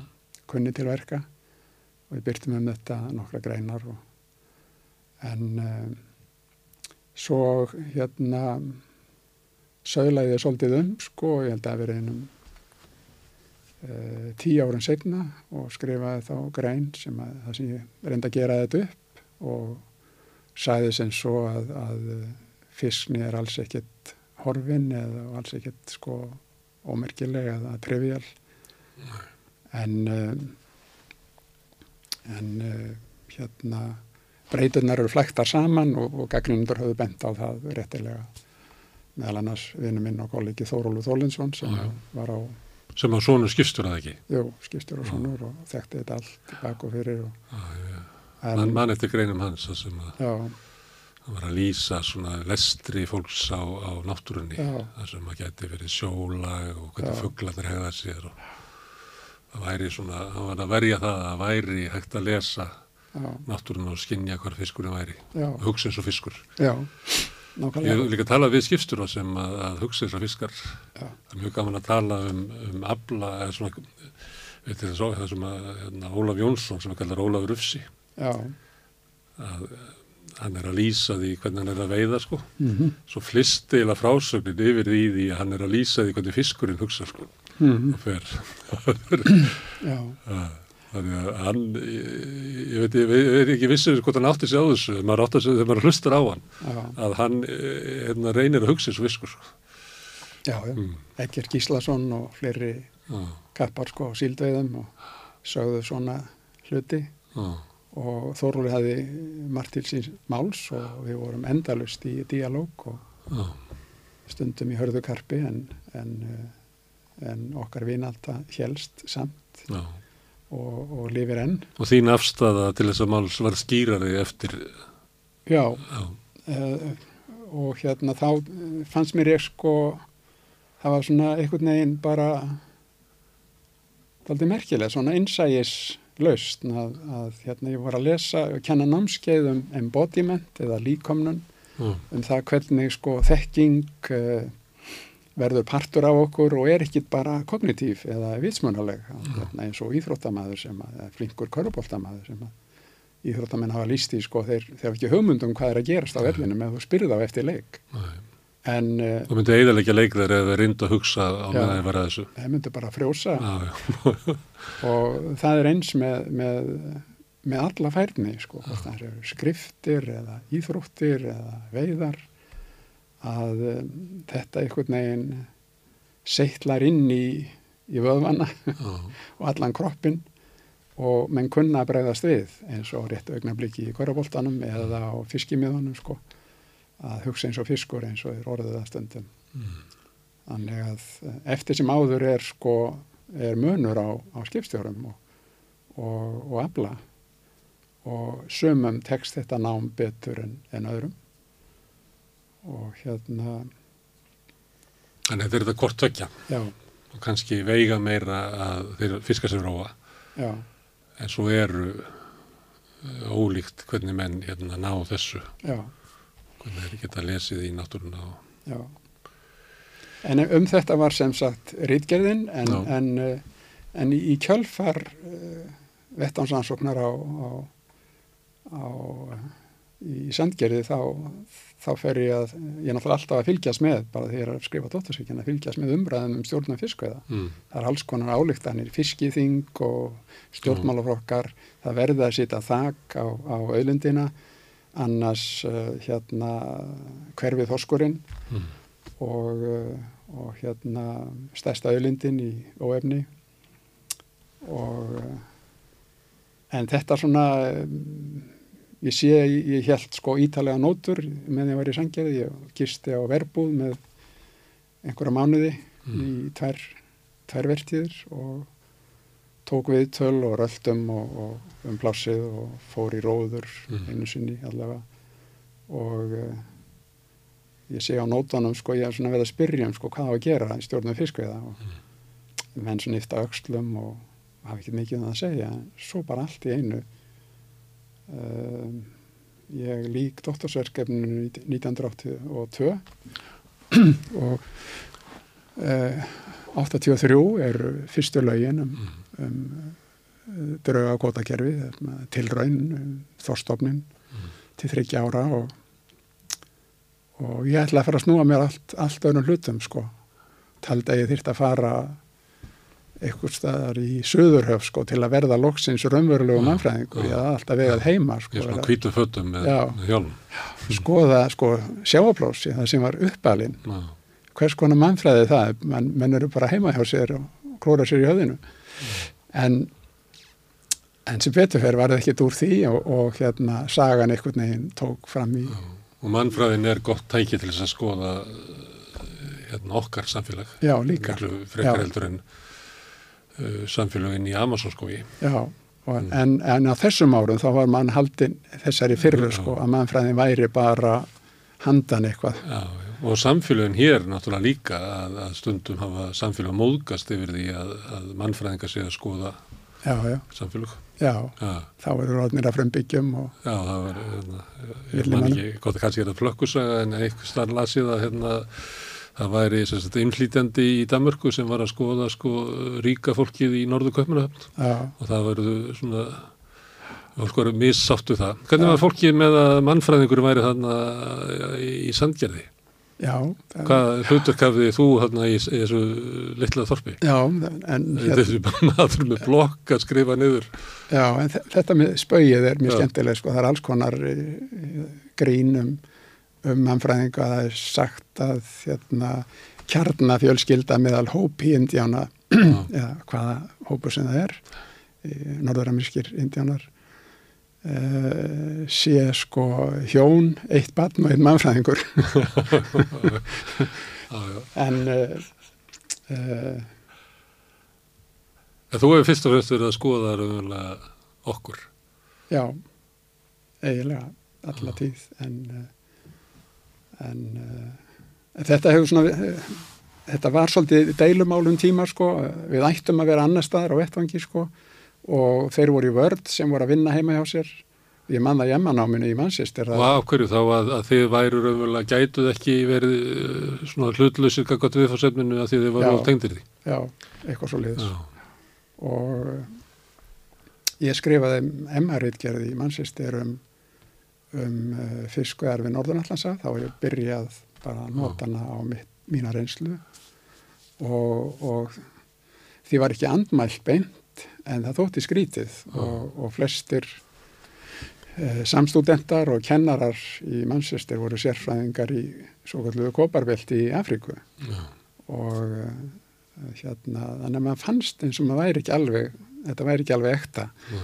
en ég held við þetta, ég held þessu áfram sko og fór sem sagt í dóttorsverkefnið en, en En síðan hefur mannfræði náttúrulega vaksið og elvst einmitt út af rannsóknum á okkur. já, en talandi um, um sandgerði og viðbröðum við mér, Já. þau voru bara uh, fín sko, ég, ég hérna naut þess að, að sko kunna tungutækið og, og, og vissi hvað passaði og, og var ekki var við neina teljandi árasta ég gisti á, á verbúð og, eh, og hérna svona kom og fór og kunna spyrja held ég og já, hjælt mikla nótur og tók upp á band við tölu við slatta skipstjórum og, og hjekk á hafnarviktinni sko dögum saman og í því skyni ég verið að taka nótur um sko aflabröð Mm. en um leið var ég að hlusta á, á samræðunar um á bátabilgjunni og samkeppnin út á miðanum og fekk svona alls konar glugga inn í þeirra heim. Og það var rosalega auðugt og ég er enna að móða svolítið úr því sko þegar ég fletti þessum nótum mínum. Og hérna en uh, uh, mér fannst sko fólk akseptera mig og ég væri að gera eitthvað þarna sem að skipti máli en þó ég segði bara að réttlætingi var svo ég væri að skoða fiskni af hverju fiskar sömur meir en aðrir. En um, svo kynnti ég þessa niðurstöður í Vestmanniðum í AKGS félagi Já, minni mig og þar var slatta skipstjórum og það voru hörð andmæli. Já, þeir vissu betur en ég og, og nokkuð til í því. En, en þessi Þú var að taka af þeim eiginlega, heiðurinn svolítið. En, en svo kemur kvotakerfið og, og kvotakerfið eiginlega tekur að þeim heiðurinn sko bara. Já. Hvað finnst þér um það? Því að þú er nú verið að skoða hérna sjávarþorp og kótakerfið. Hvernig eh, hefur okkur farnast með þetta kótakerfi? já ég, ég fylgdist með því og það er það er það eiginlega sem að dregum inn í pólitík aftur svolítið, ekki það að ég væri virk, virkur í flokksfélagi en svona þjóðmál. Þetta var rosa risavaksið stórmál að byrjað með kvotakerfið sko til, til raundi þryggja ára. Svo er það hérna, framlengt og, og fleiri tegundir og stofnar og svo er þetta framseljanlegt og, og svo framvegis. Ég fylgdist vel með þessu og skrifaði ábyggleina tíu greinar um þetta frá út frá einsum sjónarhóttnum og ég var með uh, mestaraprófsnema þá Agnar Helgason sem síðar doktoreraði í Englandi í uh, lífræðilegri mannfræði og er einn af helstu sérfræðingur landsins í erðaransóknum hjá Íslenskri erðagreiningu. Uh, mjög flinkur og hann bjóð til uh, gagnagrunn fyrir allar útlutanir undir kvotakerfinu og við gáttum skoða nákvæmlega hvað varðum um, um kvotan. Það er sem sagt landskvotanum var skipt Já. uh, í þorski og öðrum tegundum og, og bútað upp uh, í ljósi uh, þess hverjir áttu bátana í upphafi Já, og svo breytist allt náttúrulega í sögunni og endalösa nefndir og dótt en, en uh, við uh, skoðum, fengum aðgangað tölulegum gögnum um útlutanir og vorum með allt inn í einum Mm. gagnagrunni sem að agnar byggði og margir aðrir hafa lauða, laum, laumast í síðar Mm. og síðast í fyrra var doktorsnemi við Harvard eða Þannig honum er haldið við þessi svona æ- ættrakning kvótans heldur áfram. Það er, það, þetta er til þess tæki til þess að skoða hvað varðum, Já. hvað er að segja, kvótan sem haffyrðingar áttu í bæjarútgerðinni, að hluta fóru yfir í kval og, og, þaðan fóru þetta inn í granda og það komið þangað, en, en stærri hlutin fóru yfir í samherja og þá fóru það norður og Já. þetta þetta er tæki til þess að skoða svona. Já, við fórum ekki svona langt en, en höfðum bara tölulegar upplýsingar um útlutun Já. ár frá ár, ár frá ári og, og síndum fram á það að þetta var ör samtjöppun og, og síndum svo fram á hvernig, hvernig framsalið virkaði og, og hérna öll orðræðan um kóta konga og hérna lénskerfi og þetta. Og skrifuðum þetta nokkuð greinar bæði í blöð og erlend fræðitímaritt og þetta var mjög lærdomsríkt og svo leið það hjá og hérna ég þreytist á við, viðfánsefnum ef ég skoða ferilinn þá er ég kannski svona tíu, mínu, tíu hérna ára á, á hérna ákveðinu torfu. Svo fer ég Það er að tíu ár sem að fóru í kvótakerfið. já, það fóru tíu ára En, en eh, ég spurði á þann hérna, hvernig finnst þér okkur að farnast með kvotakerfið? ég hef oft sagt það og ég stendi það enn sko að, að kótakerfi er ekkit endilega slæm það vildi svo til ég, ég var ég var, var byggðan um að sitja í, í nefnd uh, á vegum bandaríkja þings til að, að huga að kótakerfum þar þeir settu svona á þak á alla tilraunum með kótakerfi í nokkur ár eða moratorium, bara bannað alveg eins og kvalviða voru bannaður um skeið Mm. og, uh, og þessi nefnd, uh, 20 manna nefndi eitthvað, þvældist um sjáapláss í bandaríkjónum og tók við töl og las skýslur og, og skrifaði uh, mikinn dórand bók um niðurstöðu sínar og, og hérna það var mjög lært um síkt þannig að maður sá hvernig þetta gerðist annars staðar og, og svona fræðilegu rauk með og móti en uh, niðurstöða mín verðandi íslenska kerfi var, var svo að ok, það er þetta hérna einhvern veginn að skipta upp aflaheimildum fyrir ár og, og, eh, og útdeila því einhvern veginn sangjant en, en uh, við völdum eiginlega vestakostin með því að sitja allt í hendunar á eigandum báta. Og ég hef oft strýtt hagfræðingum á því að það er engin hagfræðileg rauk fyrir því að það sé hagkvæmasta eða vistfræðilega besta leiðin til þess að útdeila uh, árlega mafla ekki nokkur rauk fyrir því. Og það hefur verið hægt að gera það með, ymsum öðrum hætti hérna á vinslustöðvar sem hefur kannski verið jafn tryggi um, eða byggðir sem hefði skapað allt annað búsettuminstur í landinu heldur að nú blasi við.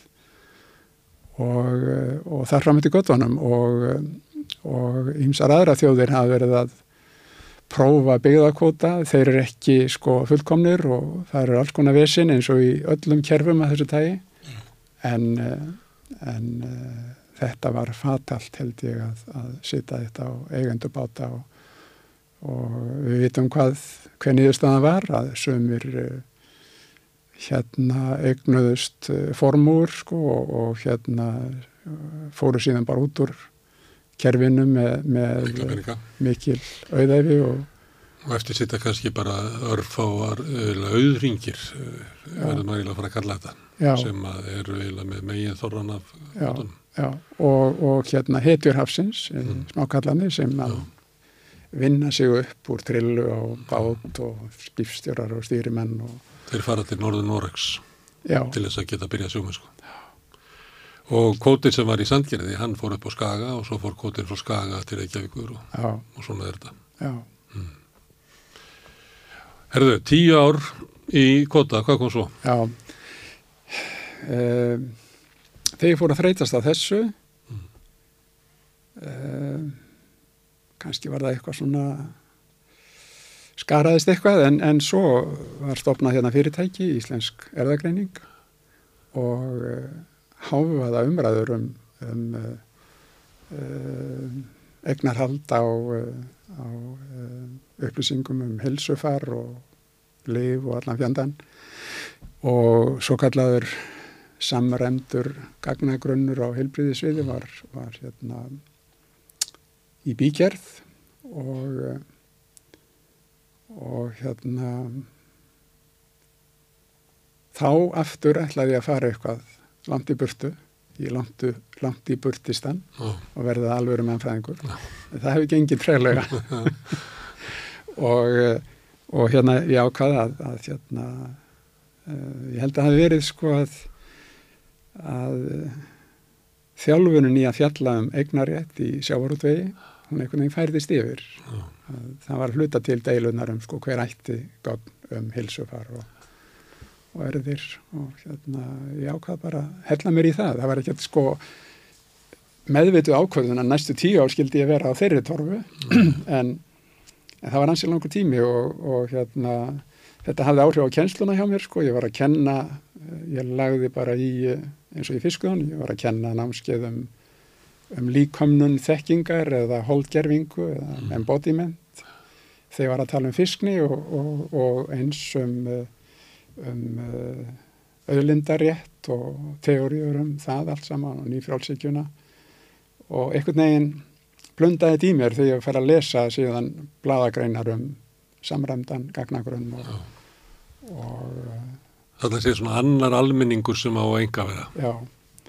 Og veistu, veistu, var það í umræðanum sko, og þá var ég með annan mannfræðinema Kristínu Harðardóttur sem að uh, vann hörku rítgerðum Blóbankan og svona partur af þessum pakka og hún og, og ég eh, hérna söpnuðum gerðum svona, hvað að segja, bankagreina eh, í dagblöðum, hundru greina held ég um, um, eh, um gagnagrunnin og sitt síndist hverjum eins og, eins og við vitum og, og við reyndum svo að greina þetta og, og byrtum um það nokkra greinar í erlendum tímaritum og bárum saman við umræður annar staðar.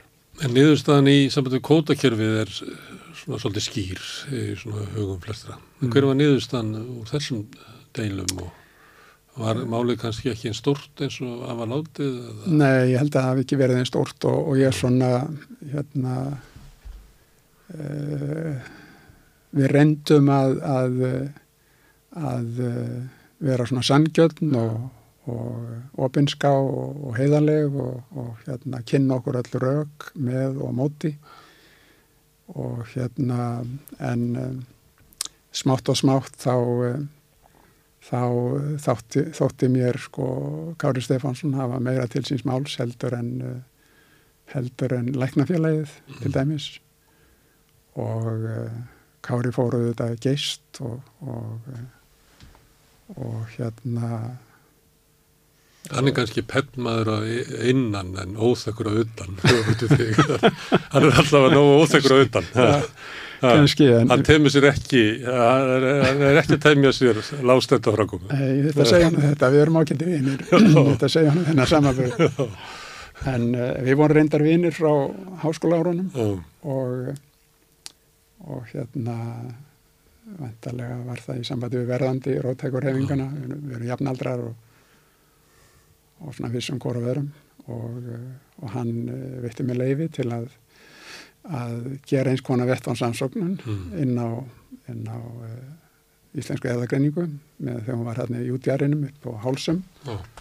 og ég fór það reglulega við töl og, og fyldist með einum hópi sérstaklega. Og þetta var svona mitt samgerði oh Í, eh, og með, með hvaða hóp er þú að fylgjast? Þeir sem er þetta að, var hópur sem er að, að láta upplýsingarnar eða þeir sem er að vinna nei, með þeir? Þetta voru vísindamenni sem er að vinna með upplýsingarnar Já, mm. voru að rannsaka slítgikt þannig að það var svona það sem ég var að vinna þar mm. en, en, en svo var ég með, með kollegum minni að, að greina bladagreinanan og skrifa um það en en uh, Eh,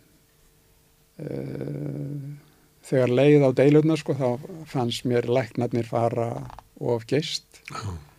og Kári nöyt ekki sammælis, en hann var ekkit eins og höfum síðan síðar, hann var ekkit að sölsunda sig undir sig gögn og, eh, og hérna hann og fyrirtækið hefur unnið stórkáslega starf oh. á allþjóða mælikvarða og mm Þannig að sömuleyti er uh, svona átökin uh, sambarleg, það er svona eitthvað svona almenningur, eitthvað sem við Já. teljum að sé í Já. allir eigi. Já. Það er svona, möguleikin á því að allt í hennu verið það enga eign eitthvað, eins og hefur við mist fiskimiði þannig og, og, og það getur valdið sko bara breytingu á, á, á samfélagunum, bara snúðum á haus. Mér finnst hérna að sambandi við fiskimiðin oft minna og hérna á norsku hálöndin þegar þau, þeim er breytt úr alminningi yfir í engaegn og verður til sko land aðall já. sem að rekur umvöla fólkið af heiðunum. Já, já. og það er málega að segja sama með fiskimiðin og, og mm. kótakongana þeirra rakið eða, eða kipt fótunum undan fólki í, í, sjáaböðunum þannig að það þegar einhverju svona sem er alminnisegna breytt í eigna eign það er ótrúlega orðið mikil. Herðu, en næstu tíu ára eru líka tíu ára sem út en þá inn í eða ekki? Jú, ekki, en, já, er... en, en þessi, þessi tíu í, í uh, erðabransanum, þau, þau hérna ég var að kenna þetta sko meðfram, svona mannfræði hilsu, þannig að það var svona manns líkaminn og þannig að þetta fréttast allt svolítið saman, þessar kenningar um embodiment og, og hilsan og þetta allt og eignarétturinn en en, eh, en svo fer ég að hugsa meira um, um umhverfismál mm. og það hefur eiginlega verið mín ástriða síðustu mm. 10-20 árin með öðru. Mm. Reyndar hef ég alltaf haft áhuga á því, ég, ég minnist þess að bara í eina fyrstu mannfræðinámskjónu sem ég tók í HÍ þar var að fjallum það hvernig ímsar svo kallega frumstæða þjóðir eh, notuðu sínar auðlindir og sitt umhverfi og hugsuðu um það og flokkuðu og svona Mm.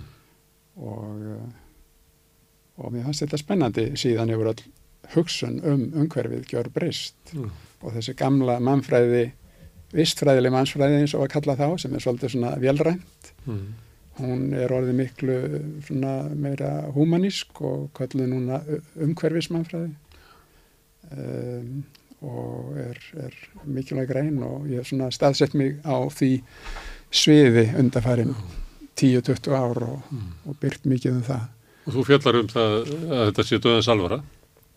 Já, það er og, og Við síðust. erum ekki góðum stað. Nei, alls ekki og, og uh, ég skrifað mikið um þetta uh, svona pælingar um mann og náttúru og, og hérna andmælt tíhyggjunni um að, að, að þetta sé aðskilið Mm. Og við erum í náttúrunni og náttúran er í okkur og svona þetta eru stef í hinsbyggji og mannfræði síðustu ár og, og með, með gamla rætur í, í klassikera líka. Og er mjög viðegandi í dag því að það svo æpir á okkur að hvað umhverfið er, er mikilvægt. En um, um, uh, svo vildi það til að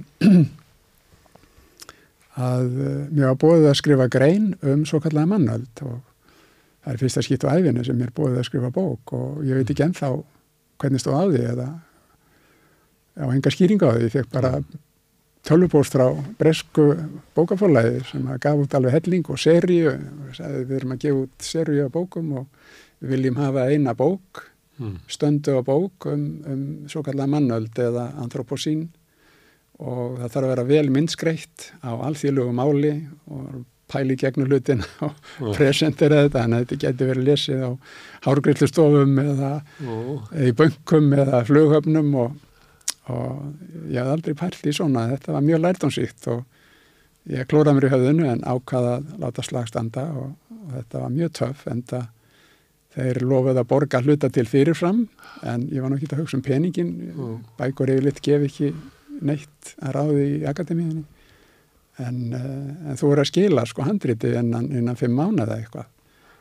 Og ég var Fyrstu fimm mánuði til að gera þetta? Já, og uh, ég hugsaði nú fyrst að þetta væri bara óhugsa, óhugsandi sko, að plæja í gegnum mannaldina, Mm. hvernig þessi tími verður til, af hverju, hver eru symptómin, hvernig menn uh, neita horfast í augu við vandan Mm. og, og hérna mm, hvaða, hvaða lausnir væru hugsanlega tækar og Mm. auðvitað skautar maður yfir sko en, en ég lagðist bóstalum undir feld og, og, og ég held ég hef aldrei unnið eins í eins mikill törn ekki einu sinni í doktorsnáminu. Já.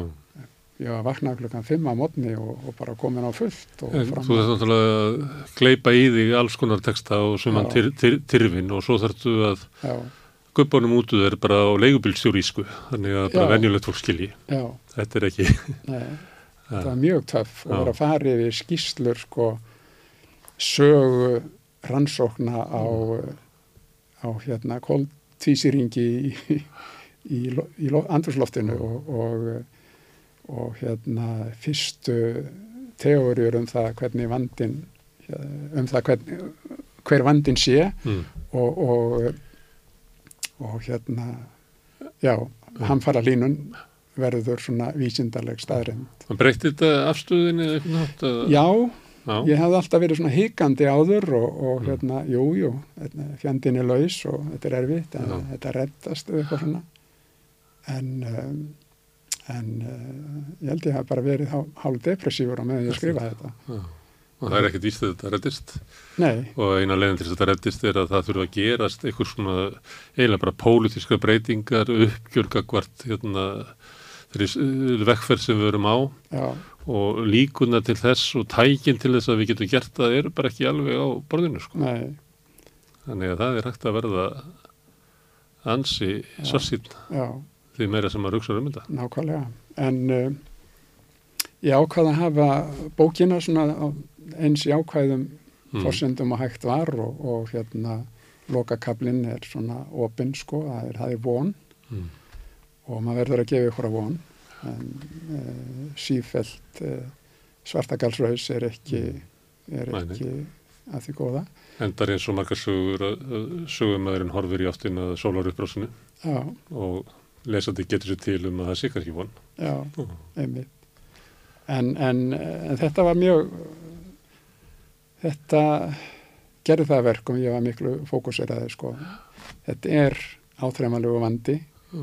og, og uh, þetta er nú þrjú ár síðan gerðist að ég skrifaði þessa bók og plæði mig í gegnum þetta og allt sem hefur gerst síðan sko, styrkir mig þeirri Já. trú sem að ég uh, skjálfesti þarna og ég var, var svolítið upptekinn af, af, uh, af skóareldum í Ástralíu og viðbröðum yfirvalda þar sem var algjör skandal og, uh, og hérna og sá alveg, þótti sjá fyrir mér að þetta yrði, yrði sko, öll mótel síndu það að þetta yrði viðvarandi og síðan hefur þetta eskalerað og Mm. miðjararhafi núna sko Já, bara í sömar eiginlega, það var nú í fréttum bara held ég í gær að hérna, meðalhittin á jörðinni var sko heilli gráðu herri núna í september, eftir hann hafi verið sko meðaltalið 30 ára undan. já, Þannig að línuritin sem að voru sko svona, það sem fóru Já. svona aðeins og en efst var alltaf sko yfirstandið ár, að það er komin svona ein lína sem að já bara slítur sér frá sko. Þannig að ég er mjög ánað með að hafa gert þetta og, og hérna skrifa þessa bók undir miklu álægi og, og bara lágið ég kiknaði í miðju kaði Mm. og nú hefum verið þýtt á, komin út á japansku og, og búið þýðana á kýmursku og vendarlega kemur hún út fljótlega þar. Þannig að hún hefur vonandi einhver áhrif og ég tók þessa skýru afstöðu sko hafandi plækt í, í gegnum akkurinn, heimildirnar, söguna, skýslurnar án þess að gera of mikið úr þeim sko, ég mátti ekki hafa leiðilegan texta Mm.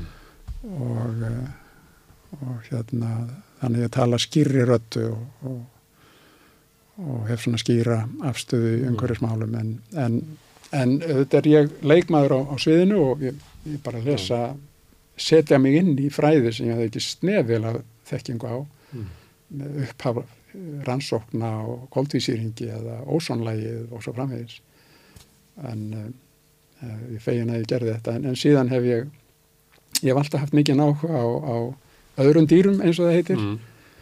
og uh, sérstaklega fuglum það er bara eitthvað svona bensku Mm. reynsla úr eigum fuglalífið þar eða votlendisfuglanir í landajónum og þessi sex sömur sem var þar og en ég gerum ekki grein fyrir því fyrir bara nýlega sko, ég haf eitthvað neginn haft auga fyrir fuglum. Ó, fjölskylda minn segir að ég sjá alls það að fugla. Á, það er nokkuð til í því sem þau sjá ekki endilega.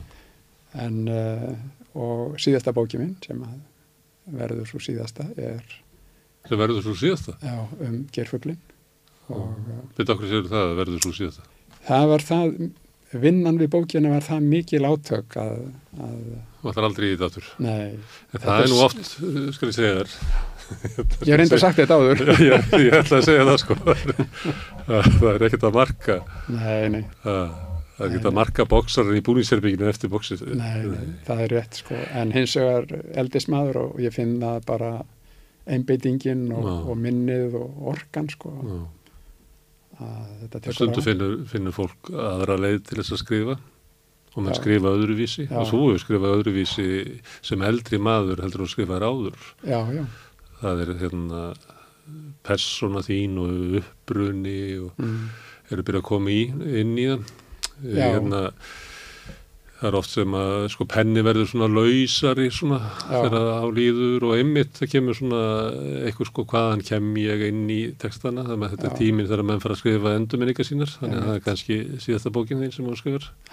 Ha, já, það er um, svona meira minni reynslu og lífi í bókinu um eigjar, fjallir sem yfti já, öxlum, eðlilega Og það er kannski ekki fyrir en að, fólk er komið á, á þennan aldur með þennan þroska og þessa reynslu að menn Mm. ráða við að vera með sko heiminn og sjálfan Já. sig og í einhvern veginn í Já. sömu frásögninni já, sem er kannski eina leiðin til að skilja heiminn já, en síðan er bara leikurinn er þannig að þegar við náum að skilja hana þá erum við bímaður upp Já, þannig að það borgar sér ekki að komast að þessu Já, já. hvernig, hvernig lífið er síðasta bóki mín sem hefur komið út er, er, eh, er Fuglinn sem gæti ekki flóið og, og þar fór ég í sögu gerfuglsins og, og eh, rannsókn á honum og, og endalók síðustu endtakana já, á Íslandi og, og uh, samdi við bandarískan útgefanda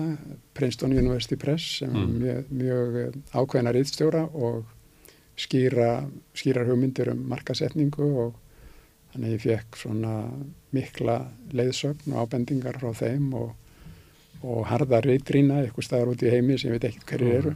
já, þetta var, þetta tók eitt og hálft ár að, að færi gegnum þetta og umturna handritinu og, og, og gera það sterkara og, og ég er mjög ánæg með þá vinnu þó hún hafi verið erfið og gengið nærri mér að hérna þá held ég sé með miklu betra komst ég held að þetta verði mesta, besta bókið mín. Já, og það sem hún leggur á mörgum er að uh, sína fram á það að örlög gerfuglsins, síðustu gerfuglana hér uh, mörguðu tímamót í, í, uh, í hugsunum aldauða tekunda já, að hvorki meira enn minna þetta setti aldauðan í nútíma skilningi aldauða af, af mannavöldum já, á dagskrá. Það hafði ekki verið svo. Menn hafðu einhvers konar aldauði, það var margs konar hugtök í umræðu, úðslettelsi á, á hérna, skandinavíumálum eða extermination, extinction, en allt í einu meðja upp á meiri 19. öld verður extinction orðið bara það sem að allt snýst um og, eh, og það er sprettur upp úr rannsóknum á og ferðalagi breskra fugglamanna sem kom að leita að gerfuglum á Íslandi 1858. Það er mjög dramatíst og ég reyna að segja þetta þannig að þetta er spennandi og, og, og hérna í ennsku útgáfinni þá, þá svona er ég búin að finnpúsa þetta miklu betur en ég gerði það sem sagt, Mm. en það er undir titillin á, á bókinni uh, uppgötun aldauðans já. hvorki meira enn ég minna. Það er daldið Síðan hefur hann náttúrulega bara aukist. Já, þannig að það hjálpa okkur ekki að, að fatta hann. Nei, en er ekki, hérna, er þetta ekki gott dæmi fyrir höfund? Því að einhvern veginn ertu að, að verða rithöfundur og fara frá fræðimennskunni yfir í að vera rithöfundur er það ekki, er þetta ekki gott dæmi um að lýsa stöðun í umhverfismálum að, að síðasta gerfuglum er eiginlega hann er svona drepinn af svona heimsku mm, og hugsunarleysi og, og tilgangsleysi? Já, já, hmm. einmitt. Og það eru og það er um, lík- mestu líkundur að við tortum um heiminum með þau tæki að vopni. Já, já, nákvæmlega. Og það eru með örlög gerfulsins eh, litast af því sko að, eh, að þessi fágætu eintök eh, verða dýrar og dýrari það bara, það er hérna veldisvöxtur í, í verði á eggjum uh, fágætra fugla og hérna og hömum Mm. og menn fara að stoppa upp og söf, söfnin gera út á til Íslands eða annað að, að fá sjálfgjafa fugla og, og borga hátt verð fyrir og þegar þessir markasmekanismar eru komnir í gang þá veður fjandinn laus og, mm. og, og ótaltegundir fugla og annara sem eru í útrýmingarættu bara á næstu árum en uh, Er þú eitt þeirra sem að myndi segja að það veri kapitalismin sem væri að tortíma jörðinni? Eða lífskilur um okkar?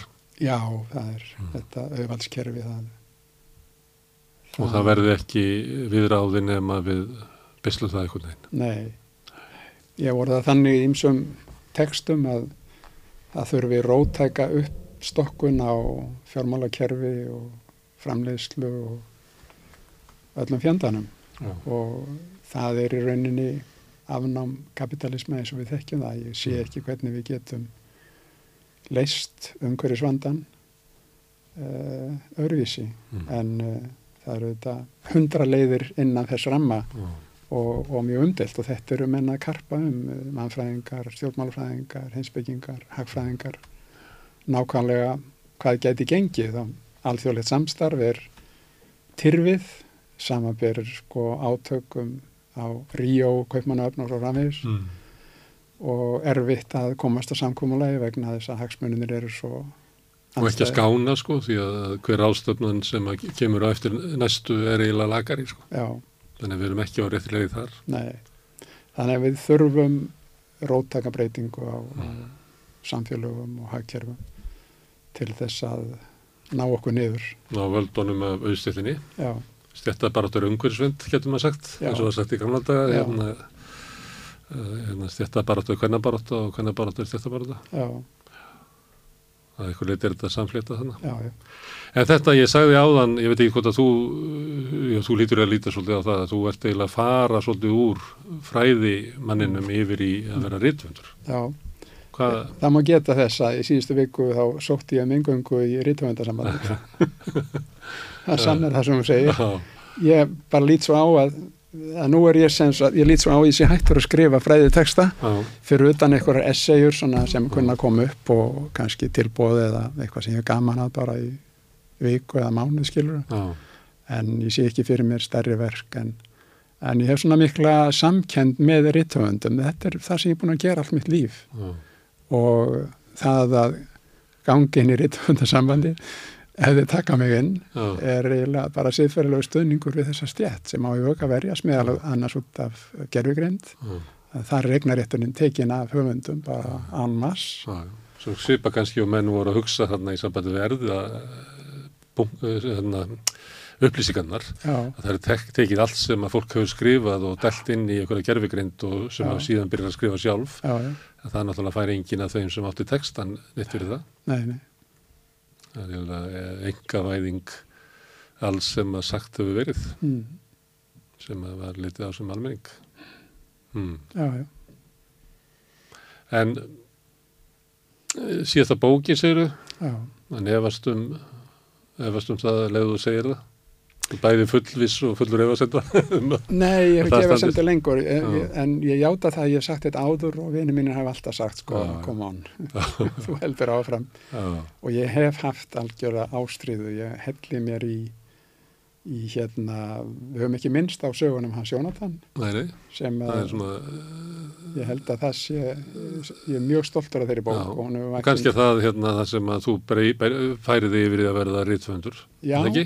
jú, eiginlega má segja það sko. Þá er ég farin að, þetta er annars konar texti, annars konar viðfánsefni, þetta er svona svolítið leikur að orðum og, og, uh, og svo bók alveg snart mig gífurlega sko. Já. Bara að lesa domskjölinn frá Kaupmannöf sko, það sem Mm. hans Jónatan var dæmdur til að vera áfram þræll simmelmanna uh, þetta snart mig sko bara alveg inn að beini. Og ég hef alltaf verið uh, hérna, ég skrifaði bíarætgerð um, um kynþáttahyggju. Já, þannig að þetta var alltaf blundað í mér og, og mannréttindin. Já, og uh, mér tókst í þessari bók einhvern veginn að, að nota þessa ástriðu til þess að drífa áfram rannsóknir í skjálasöfnum út um allan heim og, og, og skrifa þetta upp. En þetta var sex ára pakki og, og en ég, ég er mjög stoltur af honum og uh, hérna eina bókin sem ég fengi velvæn fyrir til dæmis og alþjóðlega. En Gísli, er það ekki þannig að, að mannfræðingur hann á að koma helst á eitthvað svona svæði sem honum er algjörlega framandi og hann á að skoða það og mjög svona faglega og hlutlust og, senda frá sér grein. En hann á ekki að taka þetta allt svona inn á sig eins og þú gerir. Þannig ertu ekki eitthvað að viðskilja hérna stöðu vísindabæsins. Það var kannski segja sem svo og maður hafi kannski haft líka refasendir oft eins og kannski í kótaumræðinni hérna slakað á Já.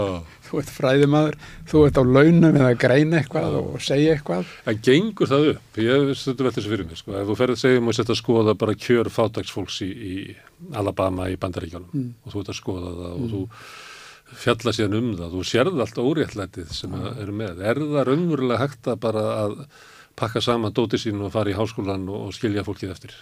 Nei, alls ekki. Og, og ég hef lengi verið þeirra skoðunar og, og bara alveg frá held ég fyrstu námsárum í félagsvísundum að, að, að aðskilja rannsakandan frá viðfánsefninu uh, með einhverju skýrri markalínu, það gengur ekki. Við, við mótumst af umhverfinu á vettvangi og höfum áhrif líka á umhverfið mm. og stundum rótæk en stundum bara ómerkjanleg en uh, og það sem við skrifum á eftir er uh, þessi fylgir náttúrulega rosalega ábyrð maður mm. er kannski að deila kjörum með, með fólki hérna uh, hásetum í verbúð í sangjörði mm.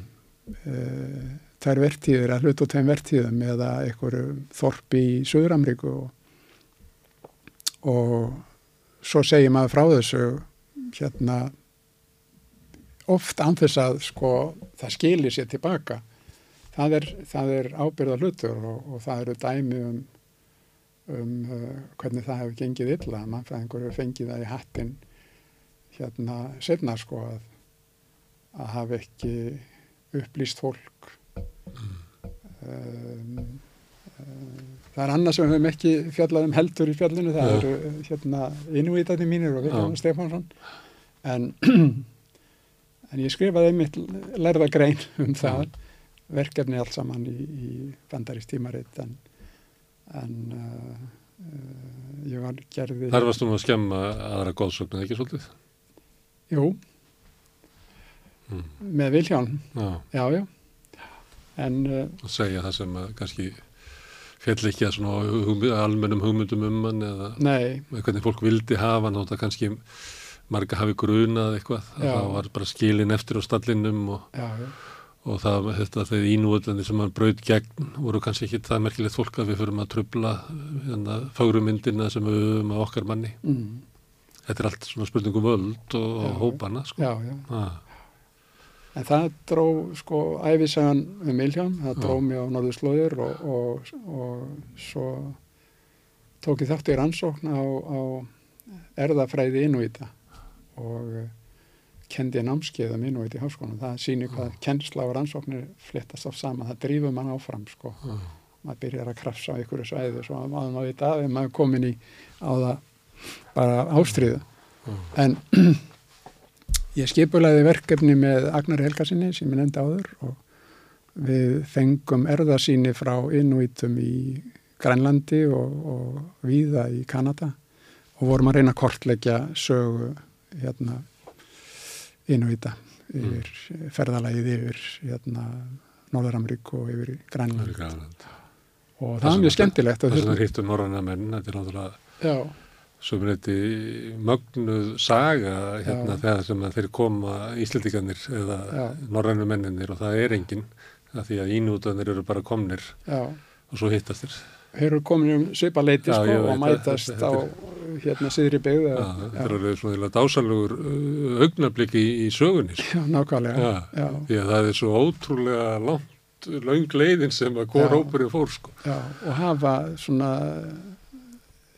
sögulega heimild, grænlendingarsaga á flera og, og svo er það erðarsagan sko, við vorum að hluta til að pæli þessu sko, en, en uh, ég er nú að draga þetta því að sko, þessu fylgir ábyrð og, og þannig, þannig að protokólar um mannfræðiransóknir meðal svo kallara frumbyggja eða uppbrunna þjóða er orðin mjög strangir og, og við verðum að skrifa undir samning og, og um það hvernig við innum og við verðum að lofa að koma tilbaka og segja frá niðurstöðum. Og hérna e, þannig að það var vandlega fylst með því sko, hva, hvað við ætluðum að gera hvort við gerðum það og hvort við skiluðum af okkur og síðan skíslu gerðum nýðustöður og svona. Mm.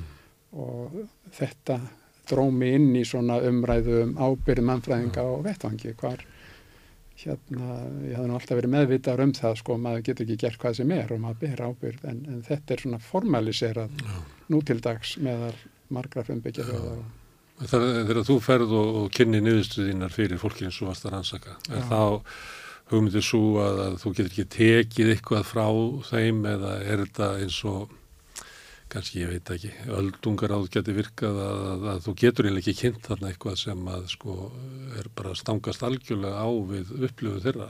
Nei, Það er erfitt fyrir það að standa þar og kynna bara einhverja, hvað, hvað gerist við þetta, Já, að, að þessu sé bætt við, að þú Já. verður að snúa tilbaka og segja það sem þú sást já, og það sem að þú upplifir og það sem að mm, var þín niðursta. já, það er góða spurning og þetta var mjög flókið en við reyndum að skýra frá þessu einfaldan hátt uh, bæði í samræðum við uh, á, á Grænlandi, það var til dæla auðveldara, þar voru við í, í háskólasetri Mm.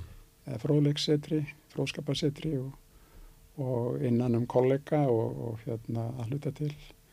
En, en um, Kanadamegin þar var, uh, það var það flóknara, þar voru það einmitt öldungaráð sem hafi veitt okkur leifi óformlega til þess að koma og, og hérna, þetta er allt skjálfest sko, leifinn og klásulunar um hvað megi gera og, og, og um, þar þurfti tólk og hérna sömur að þessum öldungum sko töluð ekkert nema að lúktum eða tungu innúita Mm.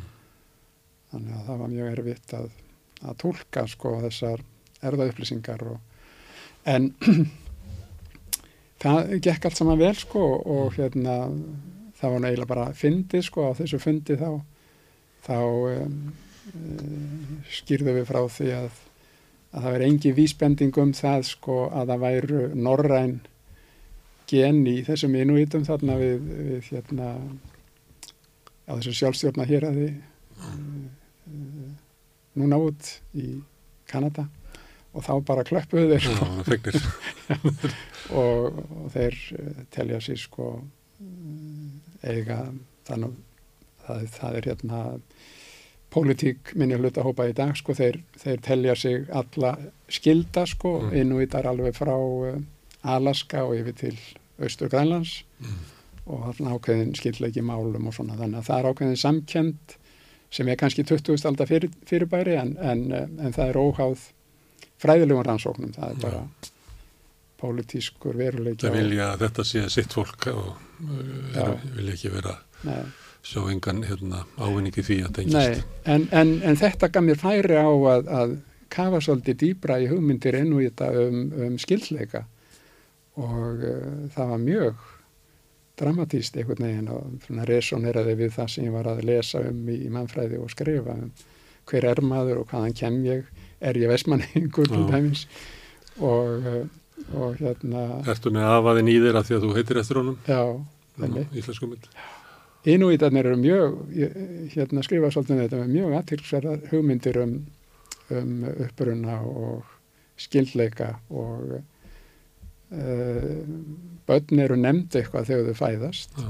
og kannski eitt nafn, það er eitthvað í, í nágreininu eða umhverfinu, kannski amma eða afi, en svo fá þau smátt og smátt önnu nöfn, Já. þannig að þetta er eins og eins og kannski í erðaefninu sko, það raða upp uh, einkennum eða bútum og, og hérna og þessi viðbótanöfni eru þá yfirleitt skýrskotun í einhverja granna sem hafa reyns manni vel Já. á lífleginu, þannig að nafnið er að breytast í gegnum tíman eins og það er svolítið hérna, eru komið svona nöfn maður allir dæmis. Og, eh, og hérna rök þeirra eru þau, þetta er kannski ekki formlega svona rök hvert en bara hugmynd þeirra er svo að að eh, fólk sem annars mann uh, það er hluti af manni og, og hérna og það á að byrtast í, í nafnakerfinu. Og, eh, og hérna þeir það er frægur frasi uh, í einni fræðigreinum um, um þetta þarna, referensi í, Inuita he used to be my relative. Hann var frændi minn eða frænka. Uh, Ég maður þetta svipuðu í, ég var í Tókó í Afríku. Og, þá hérna þegar kona sem stóði yfir svona vöggu þar sem var unga barn. Mm, og sagði að hérna, nú er hún að leita að því hvað hann vill verða. Mm, og það var svona svipuð hugmynd sko. Já, að, hérna, að við komum ekki full mótuð heldur erum við getum við gripið eitthvað og við hérna, veljum það hver við verðum já, Jaff, jaffnvel á sko mm. sem, hérna, sem ungviði. já, Mm. Það er svona, myndi mig að þurfa að segja þetta með, með hérna, að bætist við nöfnin, að það pikkar. Og það er náttúrulega þannig að þú nú nefnt marga sem hafðu árið á því á lífsliðinni og það eru stundum kannski svona fyrsta fyrirmynd sem að maður eignast utan fjölskyldunar getur haft sko virkilega mótandi áhrif á mann Mm. bara. Þannig að við ættum eiginlega öll, öll, öll að vera með mörg mörg einmitt, En segðu mér eitt, að því að þú sagði að við vorum að tala um svona útilokunum samfélaginu, Mm. það verða hérna fólk var bara ítt burt út af pólitísku skoðunum og þú verður fyrir svona útilokun, þú sagði að þér að verið meinað eiginlega að vera fræðimæður eftir að þú byrtir grein um, um tungumálið og það er svona þannig að Íslandi stundu stjórnað, maður segir Já. það svona, það svona já, gísli Mm. svo skellir mann í góm sko, þannig að það er reynd að grafa undan eða þessi bara ekkert að marka þig. já, já. Hvernig náður inn aftur? Já, ég get ekki sagt ég hafi sko, Ná, náðin. ég, ég get ekki sagt ég hafi orðið fyrir útilókun sko Nei, og hérna ég veit að ég var umdeldur og, Já. og jafnvel fyrirlitin já, fyrir þessar skoðanir en, en uh, það rist ekki svo djúft sko almennt. Og ég held ég hafi komið vel fram við fólk og, og, og hérna Og þú fjögst að eiga þinn um, stóra fyrir. Já, já, einmitt. Og það er kannski að hluta til, ég hefði ábyggilega ekki átt sko eða vilt uppdráttar í heimsbyggidild en ég er svo heppin að sko þarna myndast nýtt fræðasvið sko þar sem að þar sem að um, voru bara aðrir valda frontar ef svo má segja sko það skipti ekki máli. Og ég vil bara fínt að, að hérna við ekki aðtikli í þjóðmála umræðinni nánast hvað sem það er. Þannig að ég get ekki sagt að þetta var uh, kjaftsök en hérna þegar skýrnirgreining kom út en ég vissi að það myndi koma. Mm. Að því var markvist að stöða og, og taldi það þess verði þannig að ég bara tók því og Annað sem að ég hérna langar að spyrja þeim að hérna við erum svo fá hérna á Íslandi. Mm, uh, og man, stundu finnst mann eins og að það sé svona ríkara Íslendingum að finnast einhvern veginn að, að við byrjum ábyrð á samfélaginu og þessi okkar að reyna að laga það og mm, ertu með svoleiðis taugið þér að, að hérna svona að finna til einhverja svona ábyrðar á, á hvernig samfélagið okkar er að þróast og hvernig það er að, að vera einhverju þáttu að þú sért hluta þeim sem að það til. Soldið, já, ég held að Það er kannski öðruvísi með fólk er í mjög stórum þjóðum það sem að er raunverulega, soldið öðruvísi, já, já, já. En, en samt uh, held ég að fræðumenn hafi allstaðar sko sömu síðferðilegu vangavelturnar um sko hvernig ber maður að arta sig og hvað maður, maður að segja og gera um það sem maður er að gera og, og hérna en uh, en þú ert að renna þér inn í sko mál sem eru bara mikil deilum á Íslandi, sko. það er tungumáli, það er kvótin, það er íslensk erðagreining, það er umhverfismál, hérna, þegar að fjölmenningin er að koma hingaði þá byrjar þú að skrifa um, um hérna, svartan mann. já, einmitt, Mm. það er rétt Þetta er allt, uh, þetta er allt innlegg inn í sko íslenskt samfélag já, já, já, á þeim punkti þegar íslenskt samfélag er að fást um þetta. Sko. já það er rétt þú ert ekki í svona, þú ert ekki í fílabilsturni í þínu fræðum. Nei, nei, og kollega mínir hafa stundum sagt uh, bæði og alvöru sko að ég hafi einhvern veginn skinnjað ákvað, átaka svið Mm. og, bara álpast út af það. Hálf meðvitað og, og síðan taka því sem að höndum ber sem ber kvotan og umhverjusmálinn í, í lokin. En uh, uh, ég held að fræðumenn hafi allstaðar uh, skildur um, að skila niðurstöðum. Það er kannski, það er ekki eins æbandi ef ég væri kannski við eitthvað háskóla í Colorado eða, eða Suður Dakota eða eitthvað, Mm. að hérna, who cares? Já, Og Gísli Pálsson sé að pæla eitthvað í uh, umræðum um, um frumbyggja eða eitthvað. En uh, hér er það sem maður segir og gerir sínilegra og maður er maður er tiltölulega þekktur hlutfælslega og ef maður hefur, hefur svona helga sér svæðið þá er maður þar. Mm. en þú týnist auðveldlega í stærri þjóðun ef maður sért ykkur ofurstjarna. En uh, já, skildan er þarna sko. Þannig að þú talar svolítið þetta síðasta bókin, talar svolítið eins og eldri maður Já. í lok hérna æfistarsins. já, þú horfir yfir þetta, þetta er sáttu við, já, það var og sátt þetta ánað með hann gísla þarna á Já. Vestmannaeyjum. það var sáttur við, við tækifærin sem ég fekk Já. að koma strax að í háskóla eftir dóttarspróf og geta sinn því sem að mér síndist maður og ég vil skilda að kenna nokkuð námskeið og opna gluggan sko. ég var bara að lesa mig til dæmis til um tungumál um vistfræði um kynþáttahyggju og svo framvegis allt viðfangsefni sem ég síðan sko vann af að með, með ástriðu og mér finnst að hafa tekist vel en mér finnst núna að ég hafi bara skilað ágætu verki og, og hérna það sé engin skömm að því að, að draga sig í hlið og í fyrsta skipti á æfin er ég farin að lesa kálsögur af áfergju. Ég hef uh, undarfærin ár uh, yfirleitt verið með ykkur skáldsögur á náttbórunni hjá mér en uh, ég endist ekki til að plægi gegna það nema einstakar sinnum. En uh, nú einhvern veginn bara nýti ég þess. Mm. byrjaðar að lesa og með hérna, þannig að það eru ný tíu ár byrjuð, já, eftir að koma í ljós hvað þau, já. hvað þau, en, en þau eru svona öðru vísi en öll hinn lesa skáldsögur leika við barnaböðnin já, það er yndislegt. Já, hérna, mér finnst alveg ég hafi skilað já, skilað nægu dagvirki já. Þannig að mannfræðingurinn, hann ætlar bara að fá að vera maður. já, Mm. það geta aðri skoða mig Herru Gísli, kæra þakkið fyrir að koma hingað og lefa mér að, að spyrja þig um, um sjálfa þig og heiminn sem að þú hefur lifað í.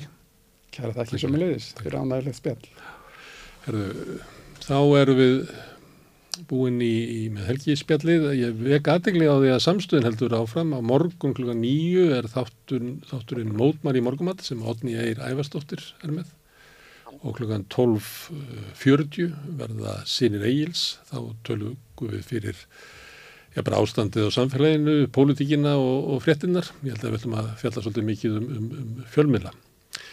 En ég segi þetta gott í bíli og, og skugur góðra helgar.